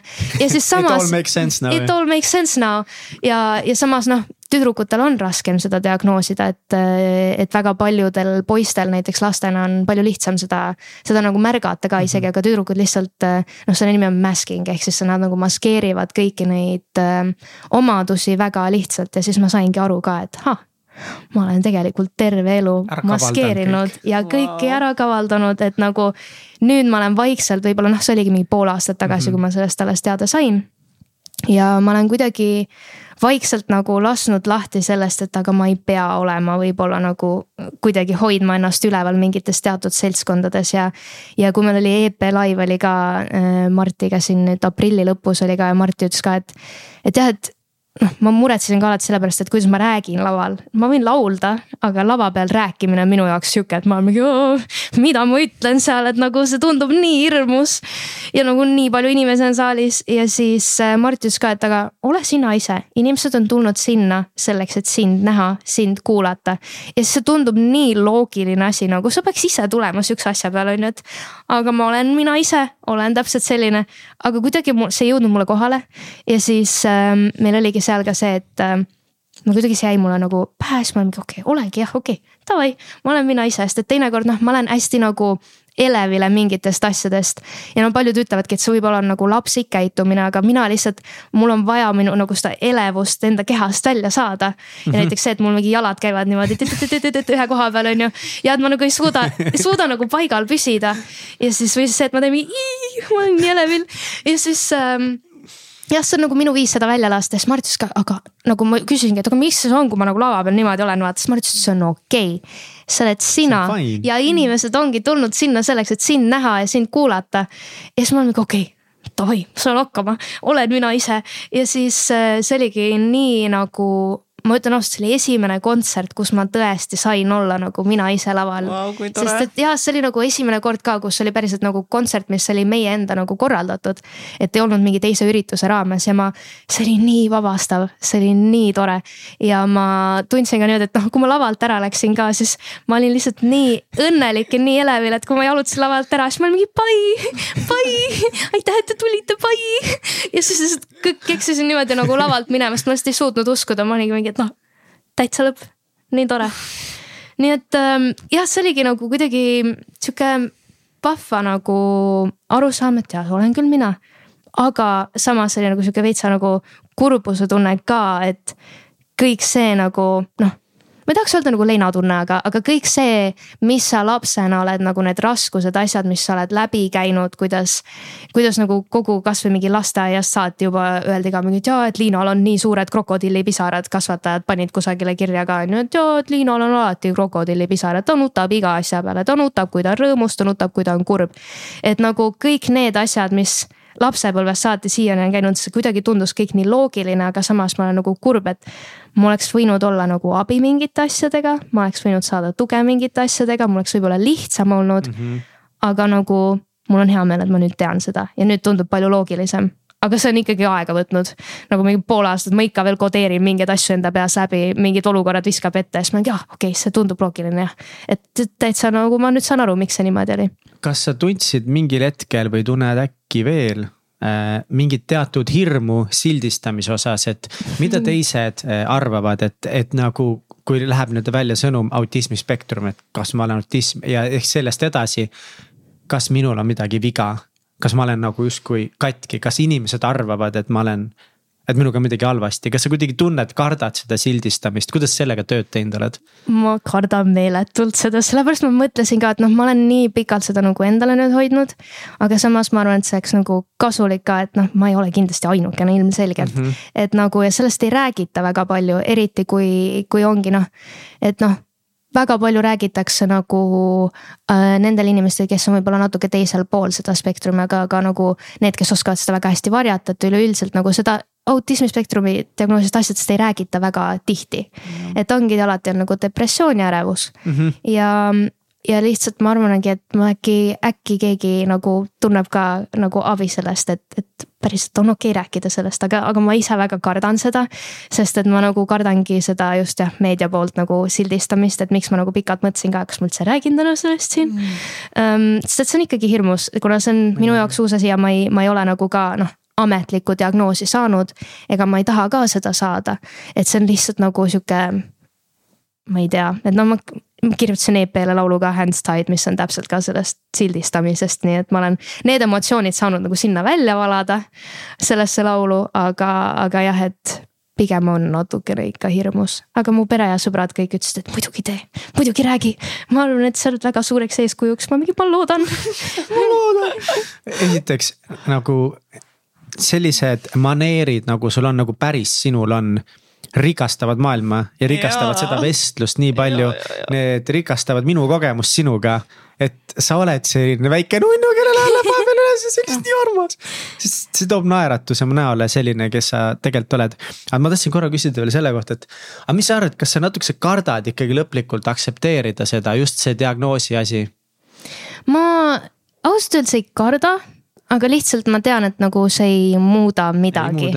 et, et võib-olla noh, jah, et see nagu lihtsalt veel nagu need mingid testimised ja asjad, see, et ma peaksin oma emaga leidma mingi aja, millal sinna minna, et otseselt see jah, see nagu ei anna mulle midagi juurde, kui ma saan selle ametliku diagnoosi. et selles mõttes ma olen samamoodi neid teemasid ikkagi käin läbi teraapias ja, ja minu jaoks jääb nagu kõik samaks, et see, kui ma juba sain sellest teada, et kuule, me oleme väga kindlad, et sul on see koos sinu psühhiaatriga. ja see, kui ma selle testi ära tegin ja me arutasime neid asju seal omavahel, et mis need nagu tulemused olid, siis, siis mulle täitsa nagu sellest piisas. et ma ei tahtnud kuidagi nagu edasi, edasi seda viia mm. -hmm. aga kas sul on nagu mingid siis mingid nagu harjutused, mida sa saad teha, mingid mõtteharjutused või mingid. nagu sa rääkisid sellest mingid emotsiooni mingist kaardist, kas sul on siis veel mingid nipid või trikid, kuidas sa saad siis oma elu teha nagu vastavalt endale nagu paremaks? ma arvan, et äh, kõige lihtsam viis on lihtsalt leida asju, mis nagu sul endal panevadki nagu hinge särama, et kas see ongi noh, minul näiteks see, et ma äh, tean, et äh, kui mul on liiga palju emotsioone või ma tunnen ennast, et mul nagu noh, ärevus on või ma olen nagu täiesti läbi omadega. et mis on need asjad, mis mind nagu maandavad ja uuesti minu tassi täidavad. et näiteks äh, mulle meeldibki see, et kui ma mängin kitarri äh,, laulan või siis ma heegeldan hästi palju. mulle tohutult meeldib heegeldada, sellepärast et ma saan oma kätega midagi teha ja samal ajal ma ei ole kusagil sotsiaalmeedias siis scroll ima, panen lihtsalt mingi seriaali endal mängima. ja see kuidagi nagu, mul on selline tunne, kui ma heegeldan, siis mu aju puhkab mm. -hmm. et see on nagu väga-väga tore. ja, ja näiteks mulle meeldib ka tohutult Animal Crossing ut mängida, et need on nagu minu see Animal Crossing ut. ma olen kuulnud seda sõna no,. taaskord, mul ei ole aimugi. see on, see on Nintendo Switch'i peal ja sa saad seal niimoodi, et sul on oma väike saar ja siis sul on oma saare elanikud ja siis sa püüad liblikaid, siis sa püüad kala ja siis sa saad seda saart kujundada erinevat viisi nii et ähm, see on jah, minu selline nagu ka sihuke väga tore koht, kuhu minna teinekord, äh, et noh kui mul on meelelahutus ja samas ma nagu jälle ei ole kusagil Tiktokis või Instagramis mm. -hmm. ei pane enda aega kinni, vaid ma saan kuidagi ka olla loominguline ja mingi, ah ma panen selle maja nüüd siia ja teen siia väikse ojakese ja siit püüan kala ja. et see on kuidagi sihuke väga nagu mõnus viis mul ennast maandada, et, et jah, ma arvan, et see maandamine ja nende hetkede leidmine ka. ja sellest rütmist arusaamine, et kui palju päriselt ma saan teha asju mingi perioodi jooksul, ilma et see oleks mulle nagu liiga palju. et kui algselt ma noh ikkagi see oli keeruline ja ma ei saanudki aru, mille pärast see on, et näiteks. okei okay,, mul on nii palju asju ühel päeval ja terve see nädal on täiesti hullumaja. et ma tean, et ma pean võtma, et näiteks nädalavahetused täiesti vabaks, et ma saan lihtsalt olla. ja nagu ma ei pea muretsema ega mõtlema millegi asja, mingite nagu muude asjade pärast. tegelikult ju nagu vaata, kui tore, et sina oled seda mõnes mõttes sunnitud tegema oma nagu esiteks oma karjääri pärast juba, sest sul on nii nagu tihe ja sündmusterohke elu. teistpidi siis oma emotsioonide pärast, aga see on ju, mida me kõik tegelikult peaksime tegema. kõik inimesed peaksid tegelikult täiega vaatama seda, mis täidab nende tassi. puhkama, andma ajule pausi ma reaalselt äh, õpetasin. aktsepteerima iseennast, et see sinu iseenda aktsepteerimine kuidagi võiks kõiki inimesi nagu inspireerida rohkem tõsi, ma, ma reaalselt õpetasin Marti puhkama. Mart ei osanud puhata enne. nii et äh, kui äh, me Martiga hakkasime date ima ka, siis esimene reis oli meil muidugi Ameerikasse. aga, aga pärast seda ma ütlesin ka, et noh, kui me olime ikkagi niimoodi nagu kogu aeg tööd teinud, siis me olimegi nii. nüüd me läheme kõik hinnas puhkusele, me ei pea muretsema söögi pärast. me läheme lihtsalt peesitame, me ei ole sotsiaalmeedias, me ei ole Instagramis, ei Tiktokis, Youtube'is. ainuke asi, mida me saime teha, oli Netflixi õhtuti koos vaadata ja nagu luge-, loeme raamatuid, lahendame sudokusid, mida iganes. ja see, et sa võtadki nagu nädala täiesti selle nagu sotsiaalmeedia väliselt ja sa saad lihtsalt süüa, millal sa tahad, sa ei pea selle peale mõtlema, mis tegelikult. issand jumal, söömi-, söömine on väga keeruline teinekord, sa pead kogu aeg mõtlema, mis ma järgmisena söön, midagi ette valmistama. see on tegelikult su ajule ka nagu kogu aeg selline nagu Mm -hmm. pidevalt pead mõtlema ja selle peale nagu ette valmistama. nagu sellepärast nagu öeldakse, muudkui muretsed, kas, kus saab süüa, palju, mida Täpselt. toitu mm. -hmm. nii et äh, jah, see on ka nagu väga hea selline viis, mis ma, mis ma Martile selgeks õpetasin nii armas mm.. et kui tunned nüüd ennast nagu kuidagi paremini, kergemini, rohkem kontaktis iseendaga? Ja, ja pärast seda autismispektrumi asja oli ka veel see, et äh, nad ütlesid ka, et noh, väga tihti on see, et kui sa oled autismispektrumil, siis sul on ka ADHD. nii et siis see oli järgmine lambipirn ja siis ma käisin, see lihtsalt it keeps on going, it keeps on going. The gift that keeps gifting ja, ja, ja siis ma käisin, äh, tegin ADHD testid ja asjad ka ära ja nüüd ma tegelikult olen ADHD rohtude peal ka ja, ja esimest korda oligi noh seega, et kui ma neid ADHD rohtusid võtsin esimest korda, siis ma olin mingi vau, mu aju on vaikne. mul ei tule nagu sada erinevat mõtet, mida tegelikult mul ei ole vaja just praegu siin mõelda, kui ma näiteks mm -hmm. meilidele vastan. ei tule igast suunast sisse. ja see on päriselt nagu minu elukvaliteeti ka nii palju tõstnud. kuidas see ADHD nüüd eesti keeles siis on? et see muidu see attention deficit. aktiivsus ja jään vastuse võlgu. häire jaa. Mhm. Something, something. ma küsin äh, provokatiivse küsimuse, et, et äh, kui lihtsalt või, või kergelt äh, sa läksid rohtude peale, kas sa üldse nagu, ma ei kujuta ette ka, mis torm su peas võib toimuda.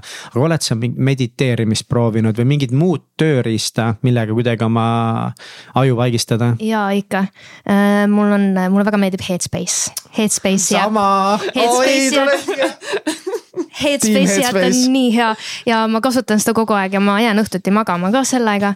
ja, ja see on tõesti selline nagu, mis mind aitas tegelikult kõige rohkem enne kui ma üldse teadsin, et mul on ADHD mm -hmm. ja see oli ka see, mida ma nagu läbi kogu nende Eesti Laulude ja kõikide nende asjadega tegin ka endal, endal kaasa. et ähm, aga üleüldiselt jah, ma kuidagi ei ole nagu pärast seda, kui ma olin esimest korda antidepressantide peal. Ähm, mis on ka jällegi näiteks autismispektrumil väga nagu loomulik osa on see, et sul on lihtne langeda depressiooni, sest et mhm. lihtsalt see, et sa kogu aeg hoiad ennast üleval ja nagu maskeerid ja noh, kõik see osa nagu mõjutab nii palju see on nii kurnav sulle tegelikult. siis pärast seda, kui ma olin esimest korda antidepressantide peal, äh, ma tundsin, et äh, see nagu isegi kui ma ära tulin nende pealt, ma kuidagi ajukeemia oli nagu tagasi nagu tasakaalus. ja kui oli võimalus nende ADHD rohtusid proovida ka, eh, kuna eelnevalt on see, et ma olen alati, kui ma kodu koristan, siis ma teen seda taimeriga. kui ma teen email'e, siis ma olen seda teinud taimeriga. niimoodi, et ma teen email'e nüüd, et mul on kümme minutit äh, email'ide tegemiseks, siis ma saan viis minutit midagi muud teha kümme minutit teen jälle email'e või teen mingeid tööasju ja siis viis minutit saan jälle niisama olla. et ähm, see oli nagu minu igapäevareaalsus, mida ma enne tegin ja nüüd ma ei, nüüd ma ei pea seda tegema, sest et ma kuidagi suudan nagu olla ühes hetkes ja ma saan seda teha. ja mul ei ole nagu jah, seda, et ma nagu tahaks mingeid muid asju kogu aeg kõrvale teha sihuke trip või? nojah, ei noh, selles mõttes mul on ka kindlalt see ADHD, aga mina, ma ei ole kuidagi kunagi nagu vahepeal ma olen tugevasti nagu mõelnud, äkki ma peaks lihtsalt minema ja siis ongi nagu selle diagnoosi endale kätte saama ja siis, et kas mul siis nagu oleks midagi, et kas mu elus nagu siis midagi nagu muutuks, et vahepeal mul, mul on nagu mingid tuttavad ka, kes on ka saanud. ja siis nad on ka nende, siis nad on ravimite peale läinud ja siis, et vau, et see nagu fookus ja see selgus, mis sealt nagu sellest tuleb, on nagu, et noh, something else on ju. ja siis ma olen mingi täiesti nagu noh, vahepeal ma ikka mõtlen tugevalt, et ma peaks ka ma peaks ka täiega minema ja laskma ennast nagu diagnoosida, no ma olen sada protsenti kindel, et mul on see nagu ma olen mingi internetis vaata mingit noh, saad teha neid mingeid teste, no kõik on seal kümme kümnest on ju et aga siis ma lõppkokkuvõttes ütlen, et noh, et okei okay,, et aga mis see mulle siis lõppkokkuvõttes nagu annab? see on kuidagi südamerahu või nagu see, et sa tegelikult praegu kogu aeg mõtled, kas mul on, kas mul ei ole, kas mul on, kas mul ei ole. Need testid ütlevad, et mul on, aga tegelikult nagu ma ei ole päris seda testi läbi teinud. ehk siis see on nagu sihuke noh, pidev nagu mõtlemine ja, ja Martil oli ka samamoodi, kuna Martil on ka ADHD, me oleme samade rohtude peal. Äh, siis äh, temal on, äh, temal oli ka see, et ta tegi alguses selle Cube'i testi ära, kus sul pannakse pall siia otsa ette ja sa pead neid nuppu vajutama nende kujundite peale. ja see oli tal, kuna ta võttis ennast nii kokku ta võttis ennast nii kokku, sest see oli tal sihuke enam-vähem piiripealne. ja siis ta ütles ka, et no, no ma ei tea ikka, ju siis mul ei ole ADHD. siis ma mingi, no ma näen kõrvalt, et tegelikult ma olen suhteliselt kindel, et sul ikkagi on ADHD. ja siis ta ei läinud järgmisse sammu edasi, ta ei teinud seda intervjuu protsessi läbi, mis, mis on erinevad küsimused, mis sinuga tehakse mm. -hmm ja, ja siis sain mina vahepeal oma ADHD diagnoosi, siis ma ütlesin, Marti, sa pead minema, tee, tee ikkagi see lõpuni ära nagu. ja siis ta ütles, et aa ja, ja, ja küll ma kohe panen aja siis ma ütlesin, et no pane palun see aeg endale ja, ja küll ma kohe panen ja lõpuks oli see, et kuna oli mulle juba mingi viis korda öelnud, et ja, ja ma kohe panen aja ja ta ei teinud seda. siis ma just helistasin, tere, mul oleks vaja abikaasale aeg panna äh,. palun ADHD intervjuule, siis ütlesin ta isikukoodi ja, ja panin talle aja ja tuligi välja, tal ikkagi on tugev ADHD.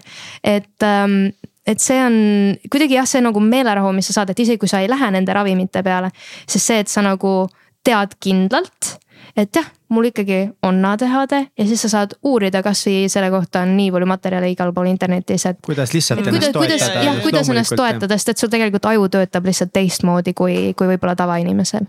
see on, kusjuures see on hullult hea nagu point, mille peale võib-olla isegi tunda, et. et sa ei pea enam kunagi lihtsalt nagu panema nii palju energiat selle mõtlema, sest ei tea, kas mul on, mul naa on, ma tean, et on, äkki ikkagi ei ole ka. kuigi samas ju tegelikult on sada protsenti, aga noh, mingi variant, et ei ole ka, aga no nii või naa tegelikult on, ma olen teinud paar testi veel ja no tegelikult noh, ma tean, et on fine. see ei muuda midagi, ma nii või naa tean, et mul on, kõik on fine, kõik on fine, ma teen neli testi veel ikkagi täpselt, et see kuidagi jah, see vabastab su nagu aju veel rohkem sellest no ma mõtlen selle peale, võib-olla, võib-olla, ma ei tea, ma ei ole kindel aga mis, mis on kõige halvem, mis saab juhtuda ah?? aga mis on, mis on midagi negatiivset, mis saab juhtuda? siis mul on diagnoos, et siis ma võtan midagi enda identiteediks, mis on lihtsalt mingite hmm..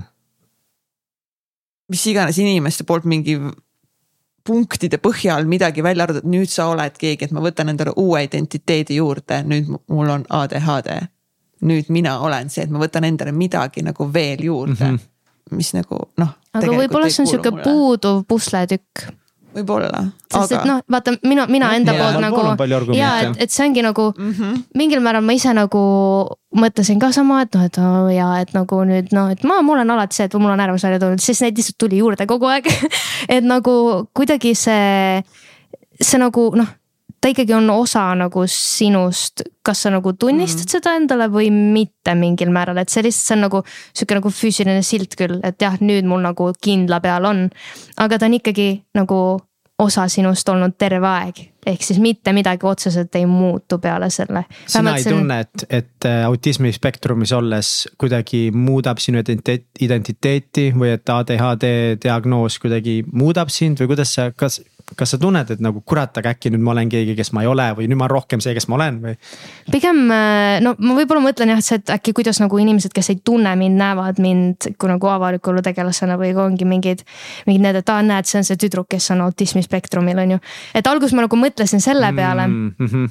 aga ähm, samas ma olen kogu aeg seal olnud nii et nagu, nii et nagu midagi otseselt ei muutu.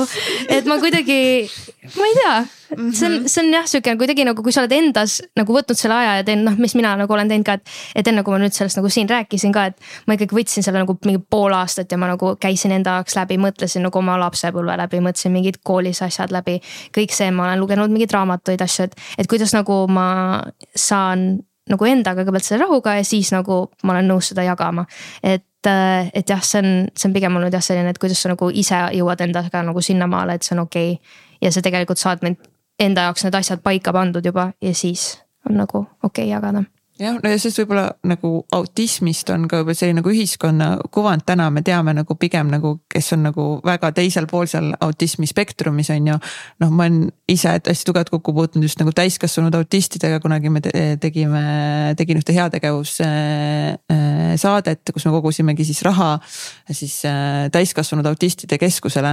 nagu noh, nad päriselt ei saagi nagu üksinda hakkama ja nad on täiesti nagu noh, Eesti ühiskond ei tegele üldse nendega et kui sul on nagu täis nagu autismispektrumiga nagu seal äärmuses see laps on ju et siis täiskasvanuna nagu noh, pole enam nagu noh, ta ei saa üksi hakkama, et siis vanemad ja kõik nagu jäävadki põhimõtteliselt neid nagu elu lõpuni nagu hooldama, on ju.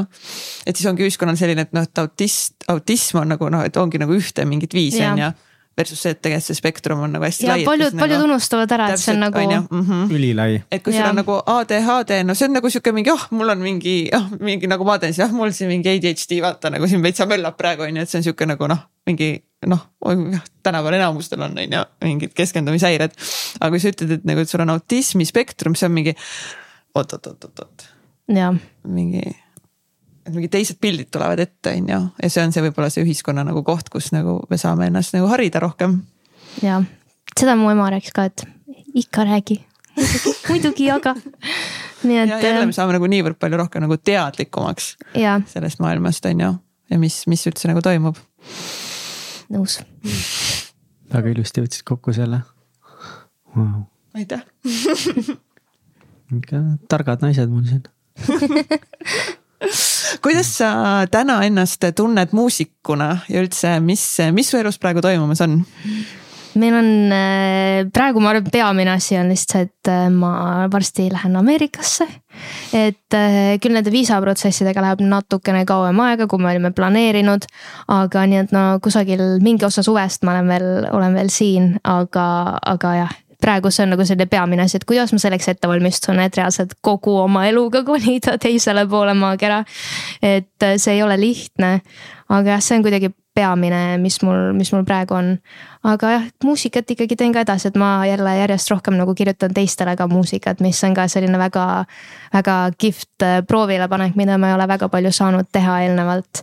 et ma olen kuidagi rohkem keskendunud enda artisti äh, projektile, millega ma tegelen ka edasi. aga see on selline hea viis ka kõrvalt olla veelgi rohkem kaasatud äh, muusikasse mida see, mida te, sinu elu üldse Ameerikas nagu ette näeb või mis? ja, mis, mis üldse Ameerika seal? nagu, mis värk sellega nüüd on nagu, et te sinna ära kolite? no Martin on tööl Ameerikas ja, ja Martin. kõlab ma... nii fabulous lihtsalt nagu ülifab tundub lihtsalt noh, mul on töö Ameerikas. nii et ta. Shout out to Martin, me ei ole veel teinud seda. Martin, tšau ja, ja Marti äh, ta filmib ja monteerib siis äh, kohalikule Youtube erile seal, nii et äh, ta sai selle otsa, kui me tegelikult abiellusime ja me arvasime, et meil on täiesti tavaline pulmareis ja siis me tegelikult järjest tutvusime erinevate inimestega ja siis reis lõppes sellega, et ta sai tööpakkumise. nii et see oli, ähm, see oli selline väga ootamatu ja kuna me oleme alati väga armastanud Ameerikat, sest et äh, seal on eriti noh, LA, seal on hea soe mm. -hmm. siis äh, meile on väga meeldinud seal ja me oleme alati mõelnud, et kunagi tahaks ikkagi sinna kolida ja mm, praegu, kui vaata noh, lapsi ka ei ole, on nagu eriti lihtne haarata lihtsalt oma koera kaenlasse ja, ja põhimõtteliselt on palju lihtsam kolida. ja nüüd, kui see tööasi tuli ka veel juurde, siis millal mitte, kui, kui mitte praegu no ma olen terve elu ka Ameerikast äh, unistanud, aga muidugi, mida vanemaks ma olen saanud, mida rohkem ma mingi, ma ei tea, USA poliitikat, ühiskonda nagu jälgin. oi, see on pekkis. seda rohkem mulle tundub, et kas nad on täiesti lollid või, aga noh, tegelikult ma ju tean, ma tean ka Eesti näit, me kõik teame, et seal lihtsalt lollid inimesed tihtipeale nagu kõlavad ja on ka palju valjemad kui kõik need targad ja loomulikult Ameerika ei ole nagu hunnik lolle. aga persse mõnikord sa mõtled, et äkki nad ikka on, kui sa vaatad, mis seadusi nad vastu võtavad, siis no. see on uskumatu, see on täiesti uskumatu ja see ongi hästi paljud on küsinud ka, et aga, aga miks te Ameerikasse lähete, et seal on ju kõik nii pekkis mm, -hmm. aga. no palju asju ei ole ka nii palju asju on ülihästi, ülilahedad seal. ja, aga samas on nagu, nagu meeletult paljud on seal ikka väga pekkis ka. ja siis ähm, ongi nagu noh, minu jaoks võib-olla peamised asjad, mida mina nagu Eesti puhul jäängi katsuma, on ka see, et meie tervishoiusüsteem mm. -hmm. meie hea puhas toit, sest et seal lihtsalt on kõiksugu erinevaid värvilisi aineid absoluutselt kõiges sees. San ja... Diego's on hästi palju orgaanilist toitu mm., mis on väga puhas ja megakallis see, see lihtsalt see, see hetkeks, see vau wow, ja siis kuidas see maailm kokku varises sama kiiresti ja USA on jube kallis. see on, see on ikka uskumatu, kui kallis see on, et no see, ma räägin sellepärast, me nagu ei oleks eel, eelnevalt enne ette kujutanudki, et me oleks saanudki sinna kolida nagu oma Eesti palkadega mm. -hmm. aga see, et Martil on USA töös, siis see teeb nagu vähekenegi lihtsamaks meile seda ja sellepärast meil on see võimalus üldse ka, aga õudne kui kallis ja põhimõtteliselt jah, tervishoiusüsteem ja, ja kõik see toit on need, mida mina nagu kõige, kõige rohkem jään igatsema võib-olla, võib-olla Eesti puhul ka aga mis sinu plaan siis seal USA-s on, okei okay,, Martil on nüüd seal äh, töö on ju, temaga on Tim, mis sind ees ootamas on? mina tahan muusikat teha seal ikka kõige rohkem, et äh, mul praegu on ka ikkagi mingid äh, sellised produtsentide kontaktid ja, ja inimesed seal ees juba ootamas ka, kes, keda me oleme nagu eelnevalt enne reisidel oleme ka juba näinud, aga siis kuna kõigil on hullult kiire ja see on nii viimasel hetkel olnud, ma ei ole saanud seal nii palju sessioone veel teha. et mul mõned sessioonid on olnud, ma olen San Franciscos käinud sessioonil kui ka LA-s. aga, aga jah, see, et nüüd on nagu pikemalt saab olla seal ja päriselt nagu, aa, kas sa tahad minna nüüd stuudiosessioonile, ma mingi muidugi lähme. et ei ole seda, et kuule, ma pean nüüd homme lennule minema nii et jah ma ei tea, kas me veel tahame sellest rääkida või kuidas on, aga ma tahaks hullult sinu pulma kohta kuulda. ja kohe, ennem veel, kui me oleme selle USA, USA laine peal, et kas siis ikkagist ongi see, et, et sa lähed seda nii-öelda seda American dream'i nagu nii-öelda kõige paremas mõttes nagu püüdma. et mis on sinu see wildest dream, mis, mis sa soovid, et mis seal USA-s hakkaks juhtuma? Ma arvan, et äh, minu nagu wildest dream ongi võib-olla see, et kui ma saaksin ise esineda USA-s oma muusikaga. ja lisaks see, et ma saaksin kirjutada mingit, äh, mingeid laulavad teistele nagu suurematele artistidele ka. ma arvan, et see on nagu minu võib-olla sellised kõige nagu suuremad unistused, aga üleüldiselt mul on äh, mul on alati ema õpetanud ka, et hoia enda ootused hästi madalamal. Sellepärast, et siis ükskõik, mis tuleb, sa, see on nii palju suurem ja nii palju positiivsem. nii et äh, seda ma üldjuhul olen ka see, et ma lihtsalt lähen sinna, ma vaatan, kuidas mul seal läheb. suhtlen inimestega ja, ja vaatan, kuhu mind täpsemalt see viib, et ma ei pane endal nagu mingi nüüd esimese aasta lõpuks ma pean jõudma siia. et äh, see on minu arust jah, sihuke kuidagi natukene võib-olla hirmus aga, aga pigem jah, äh, lihtsalt vaatan, vaatan, kuidas mul seal läheb ja annan endast parima. Aga kas sa oled kunagi ette kujutanud ka, et et sinust, no et ongi, et sa saadki nagu megakuulsaks ja megaedukaks? nagu päriselt nagu a la noh, ma ei tea, mingi Jennifer Lopez'id või Beyonce'd või midagi nagu sellist, sest see on ka tegelikult kõik nagu, no see on võimalik. ma tean, aga see tundub see, see oleks nii lahe, sellepärast et nagu minu arust see on, see on nii suur nagu ma ei tea, minu jaoks kõige suurem kompliment ongi see, kui kellelegi meeldib minu muusika ja minu looming. ja see nagu noh, nähes, kui palju nagu ma ise ka panustan sellesse ja mis energiat ja kuidas ma seda nagu loomingut teen, see on minu jaoks kõige nagu sellisem suurem kompliment üldse. ja kui minu muusika jõuab veelgi rohkemate inimesteni ja päriselt neile meeldib minu muusika, siis see on minu arust nagu epic aga ma ausalt öeldes ei ole isegi suutnud nii kaugele mõelda, sest see kuidagi ei tundu reaalne mulle.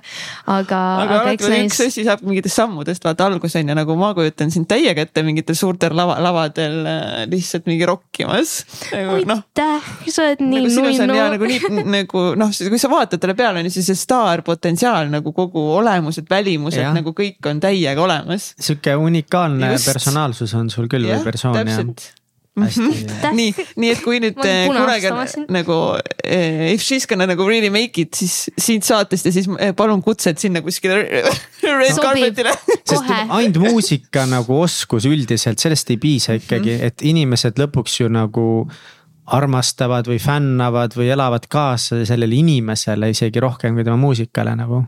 no ja, oleneb muidugi. mõlemat ma arvan. ja mõlemat ja, aga ikkagi see nagu see isiksus on nagu tihtipeale ikka. ikka. see karakter jah ja et hästi palju ju tegelikult erinevaid muusikuid palutakse ka, et mingi, et jah, et no nüüd tee rohkem Tiktok'e, tee rohkem mm, Youtube'i mm, -hmm. aga samas kui ma mõtlen selle peale, et kui näiteks sa oled muusik, kes nagu noh, nüüd on ajad muutunud tänu Tiktokile, aga kunagi oli küll see, et äh, kui mõelda näiteks kõik äh, noh, kes on need suuremad, ongi Troye Sivan minu arust on üks väga suur selline popnimi. Äh, Tate McRae on veel üks nagu andekas noor laulja.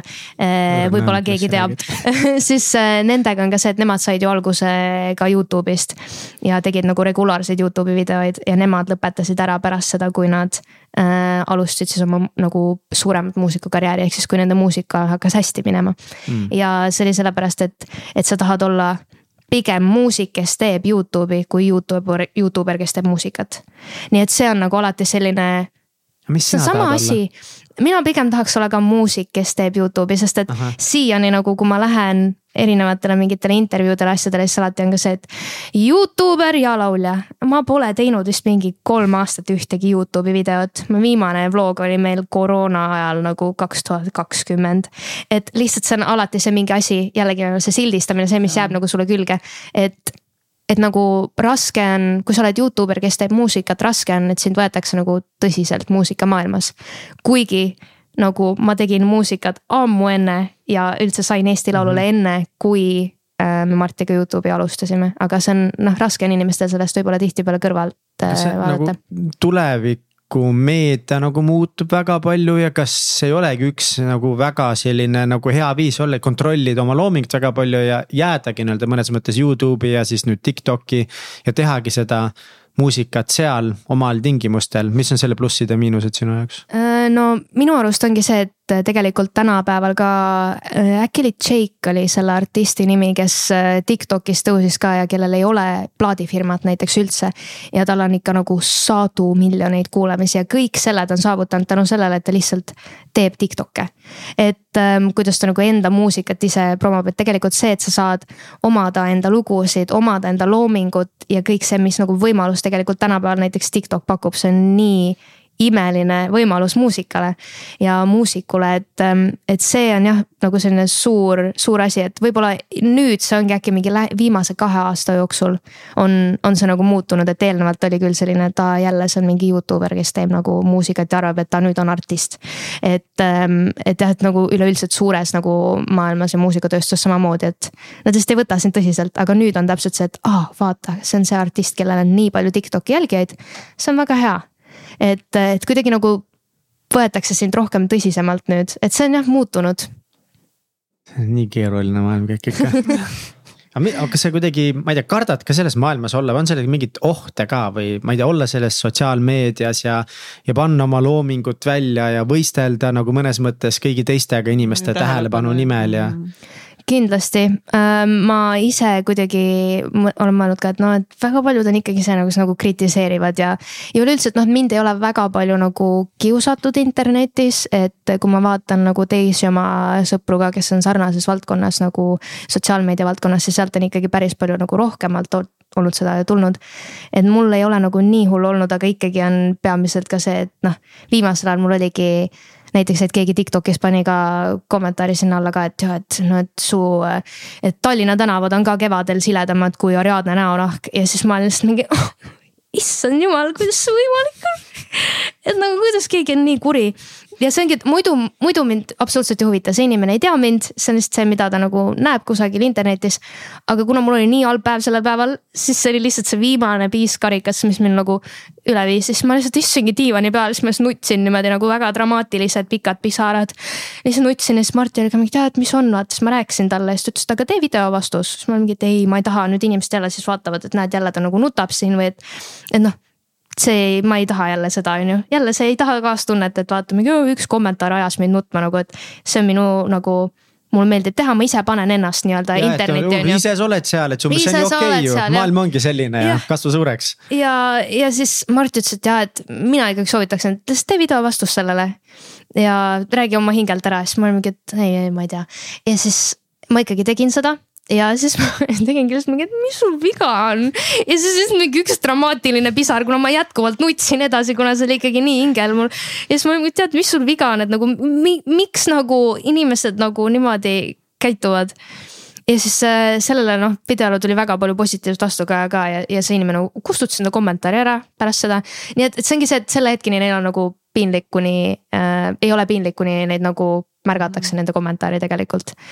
Aga lihtsalt jah, see on, ma ei tea, nii jabur, jabur teema, et ähm, üleüldiselt kogu see, kogu see Tiktoki ja sotsiaalmeedia asi. ma ei mäleta isegi, mis see esimene küsimus oli, ma ei tea, kuidagi ma jõudsin sinna Pole üldse oluline. rääkisid, Mihkel küsis, et tead mingit ohtudest, et mis üldse see, kõik see muusikamaailm ja. ja endaga nagu kaasa võib tuua, on ju. ja vaimsele tervisele. See. pigem ongi see, et sa lihtsalt paned nii palju energiat enda loomingusse ja nii palju, noh muidugi artistid on erinevad. osadele artistidele kirjutatakse lugusid, osad artistid kirjutavad ise endale laule. et ähm, no minu, minu pildist võib-olla ongi see, et kui sa paned nii palju iseennast sinna loomingusse ja siis võib-olla keegi on mingi ülipask lugu on. ja siis sa oled mingi okei okay,, no ma saan aru, et kõigile vaata ei saa meeldida. aga sa kunagi, ja, ja aga nagu noh, sa kunagi ei tea, pärast on see, et nagu suurem osa nagu enamusest on lihtsalt nagu mingi ja, et see on nii halb lugu, et miks ta üldse teeb seda, vaata. et see on võib-olla selline enda nagu mõte, mis sul käib kaasas kogu aeg, et äkki kellelegi ei meeldi. ei no teile ka ei meeldigi. jah, jah, et nagu kõigile ei saagi meeldida, aga lihtsalt see, et. aga tahaks ikka on ju, nagu noh, tunnen, et ikka tahaks jah. Endale meeldib, siis äkki teistele meeldib ka, ma ei tea aga kas sa võrdled ennast palju teistega, teiste mingi muusikutega või teiste eduga või teiste muusika kirjutamise oskusega?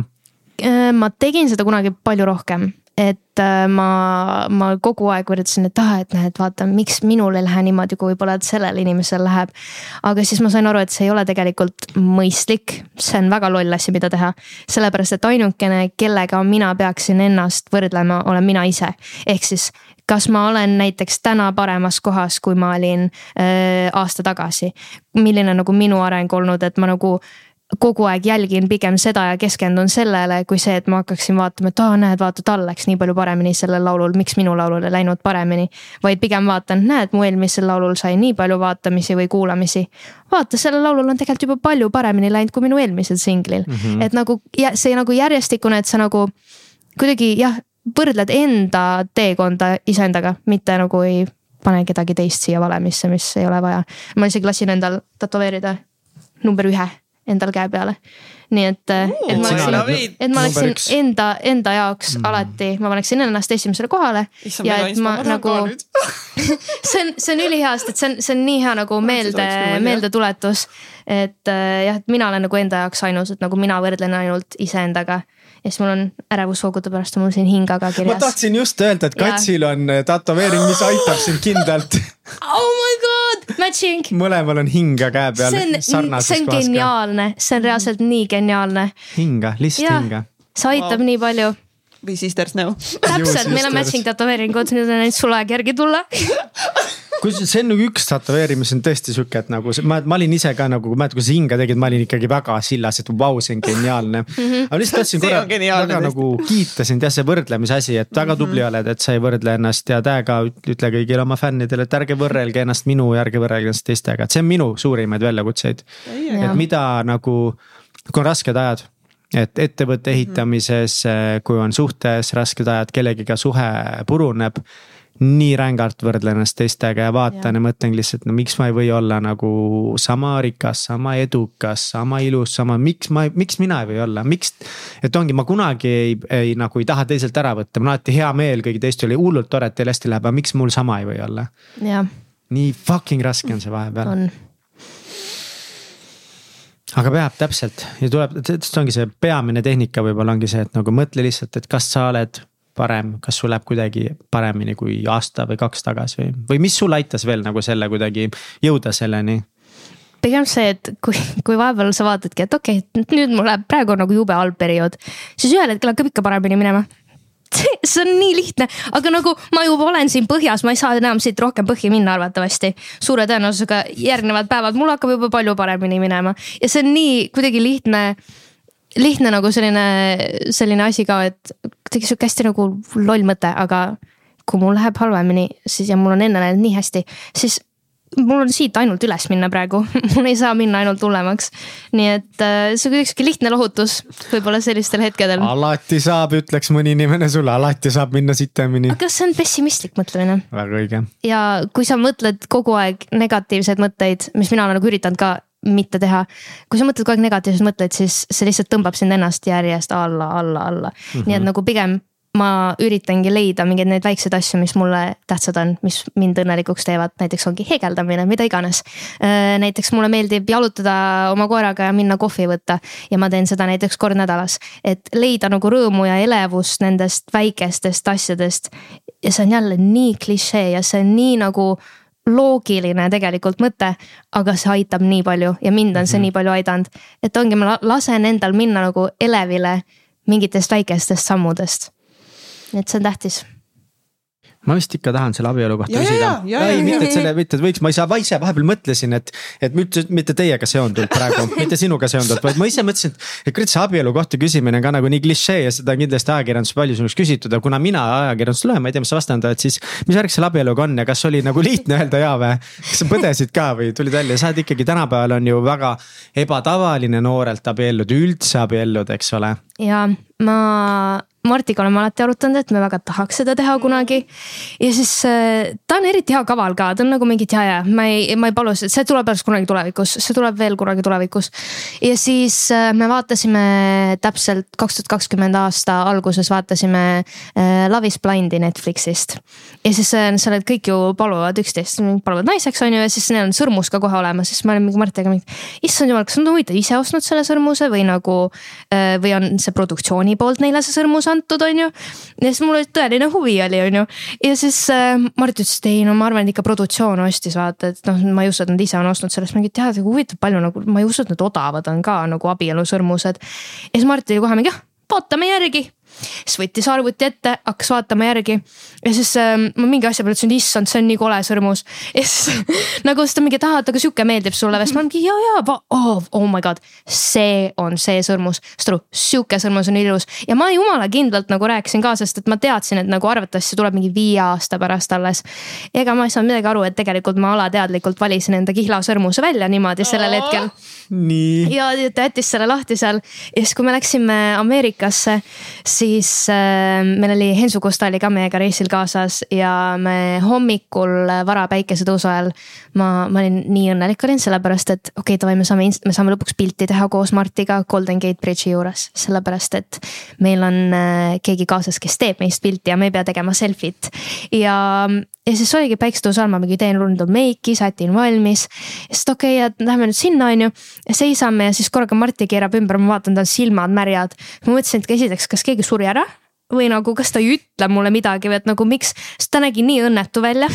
ja ma mõtlesin, et nagu, kas ta jätab mind maha nüüd või on keegi ära surnud reaalselt ja siis ta hakkab siis ta nagu. ja siis ta hakkab mulle rääkima nii ilusat juttu, siis ma mingi, aa okei okay,, okei okay ei surnud, kõik on okei okay., kõik on hästi.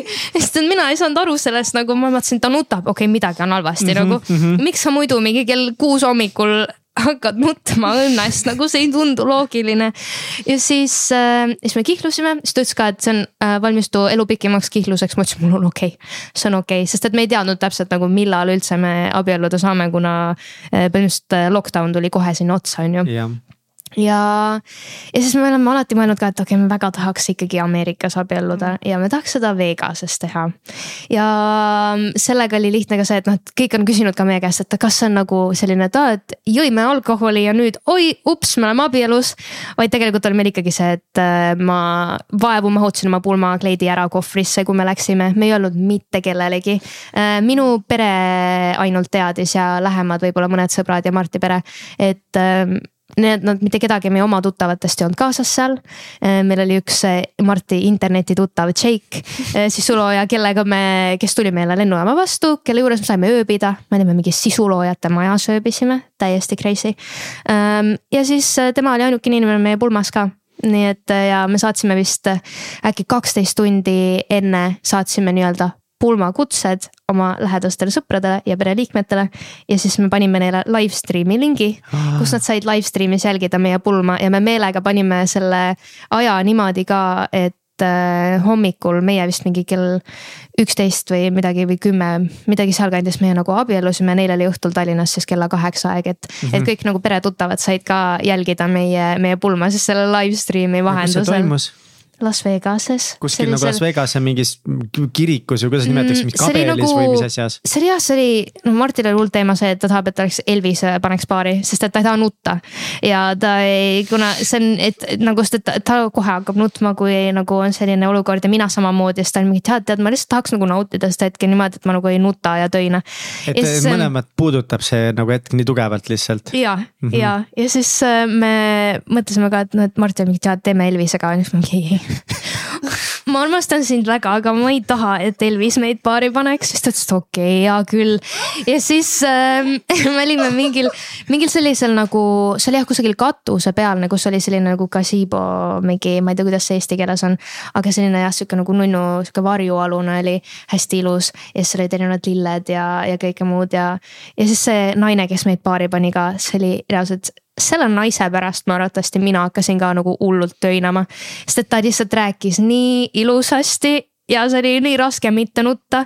nii et äh, lõpuks oligi see, et me mõlemad, Martin lihtsalt äh, kõigepealt ise nutis on ju, siis ta, ta nagu hakkas niimoodi nutma ka, et ta lihtsalt oli mingi ja siis mina hakkasin naerma selle peale, siis lõpuks me naersime ja nutsime nagu segamini. ja siis ta pühkis mul ka niimoodi pisaraid ära samal ajal, et see oli väga selline nunnu ja armas ja teistmoodi kogemus, et me saime päriselt selle nagu hetke võtta iseendale teha neid pilte pärast seal kõrbes ja me ei pidanud muretsema nagu pulmapeo vältel ka, et kas kõikidel külalistel on hästi, kas on nagu, kas alkoholi on piisavalt, kas kõik jookseb kenasti, kas ma olen jõudnud kõikidega suhelda. vaid me lihtsalt äh, läksime, sõime burgerit ja jalutasime mööda Las Vegast ringi pärast. sihuke väga low-key, väga chill ja parim otsus. millal sa teadsid, et ta on sinu mees hmm.? tead ausalt öeldes väga piinlik. aga ma võib-olla nagu millal ma teadsin, oli äkki see, kui me olime võib-olla mingi nädalake koos olnud, sest et see oli nagu, see oli siis see, et ma, ma nagu tundsin kuidagi mingid asjad, mis võib-olla alguses nagu mulle ei meeldinud, võib-olla või noh, mitte ei meeldinud isegi, aga nagu mul oli nagu ükskõik nendest, siis mul hakkas jubedalt meeldima. ja siis oligi näiteks see, et tal oli üks äh, eriline lõhnaõli, mis tema sõbranna oli talle nagu kokku pannud, kes tegeles lõhnadega. ja siis minu arust see oli nagu, see ei lõhnanud üldse hästi alguses, see ei lõhnanud absoluutselt hästi ja, ja ühel hetkel ma olen siis nagu mingi see on parim lõhnaõli üldse see on parim lõhnaõli, mida ma kunagi nagu nuusutanud olen ja see on mingi asi, kus jah, see on nagu ajukeemias käib mingi switch ära ja siis ma olen mingi, et jah, see on minu mees, ma teadsin. ja see, kuidas ta tegelikult ähm, noh, mulle ta ei näidanud seda välja, et ta võib-olla mõtles küll niimoodi on ju Eesti Laulu ajal, et no ma ei tea, kaua ma jaksan. aga see, kuidas ta oli ikkagi nagu toeks ja ta oli hästi arvestav minuga läbi kõige, see oli nagu ka selline, et see on tore ja no ausalt öeldes ma olin üheksandas klassis, kui ma hakkasin Marti inglisekeelseid videoid vaatama, nii et. palju teil vanusevahe on? kaheksa aastat. kaheksa aastat jah. ja ma olin äh, kaheksateist, kui me, kui me kokku läksime. aga noh, olgem ausad, ma olen selline, mina olen selline väike vanainimene ja ma ei ütleks, et Marti on kolmkümmend kaks, ta on nagu ma olen ka kolmkümmend kaks, nii et on, me oleme väga noored. on väga noor, väga noor, ausalt aga kuidagi Marti on nagu selline hästi, kuidas öelda, tal on. ma selline... ausalt arvasin, et Marti on palju noorem. ja tal on nagu sihuke hästi nagu nooruslik või sihuke nagu tal on, ta on selline nagu veits crazy nagu vibe energia, et ta nagu läheb kõikide asjadega kaasa, ta on üli nagu elav ja ta ei, et ta nagu ta ei tundu nagu kaheksa aastat vanem minust, et me mm -hmm. nagu ausalt öeldes, kui ma vaatan meid, see tundub nagu meil oleks võib-olla mingi neli aastat maksimaalselt vanusevahe. aga vahet ei ole, palju vanusevahet on. minu vanematel on ka kümme aastat vanusevahe, nii et. see ei mängi mingit rolli tegelikult. ülilahe, nii, mul on nagu kuidagi nagu nii hea meel, Martin, nagu ma nagu Martin, sa oled nii tubli, et sa selle sammu nagu ette võtsid mm, -hmm. et mhm. nagu mingi davai, see on minu naine, nagu kihlume, abiellume, teeme midagi ägedat, nagu lihtsalt valin täiega sinu ära Tubli, mul on ten points. ta on tõesti super ja me, me nagu väga nagu, me isegi ei tülitse põhimõtteliselt, me nagu suudame nii hästi nagu oma asjad ära kommunikeerida, et meil ei plahvata, me ei plahvata üksteise peale mitte midagi nagu. et kuidagi meil on nagu sellega nii paigas ja see on nagu nii lihtne, mis on asi, mida mina ei teadnud, et nagu suhe saab olla lihtne. et muidugi on nagu raskusi ka näiteks see, kui ta on mingi teisel pool maakera ja mina olen siin ja me tükk aega ei näe üksteist, see on minu jaoks nagu meie jaoks mõlema jaoks raske. aga meil ei ole nagu mingeid siukseid vaidlusi või tülisid, et, et meil on nagu mingi periood, kus me ei saa omavahel väga hästi läbi või me ei ole nagu samal lainel. et see on nagu uskumatu, et ma nagu ei ole, ma isegi ei teadnud jah, sest et minu esimene suhe oli nagu väga väga-väga teistsugune sellest. et ähm, tema nagu näitas mulle päriselt, mis on see õige päris suhe, milline on armastus, kuidas sa enda partneriga käitud. et te olete nagu meeskond kogu aeg, mitte üksteise vastu. just, tema, seda ta on algusest saati olnud ka, et me oleme tiim, mitte nagu ei ole sina versus mina. nii et kõik asjad, mis me, ongi see, et kuidas me saame mingeid asju paremini teha, nii et see on väga kihvt. tahan nüüd Martiga teiega saadet teha ma tahan ka Martiga temaga saada teha, pluss nagu ma nii fännan praegu sind ka ja lihtsalt. lihtsalt ma olen ka nagu mingi ära armunud siin mingi sinusse ja Martisse teisse mõlemasse nagu mingi siin sihuke armastuse mull on nii tore. tore. tore. nojah, mis sa veel tahad öelda see on Noh, kui sul, veel tahad öelda? nüüd mingi sõnum Eesti rahvale edasi kanda. sõnum maailmale. jah, vabandust, muidugi me lähme nüüd ju global.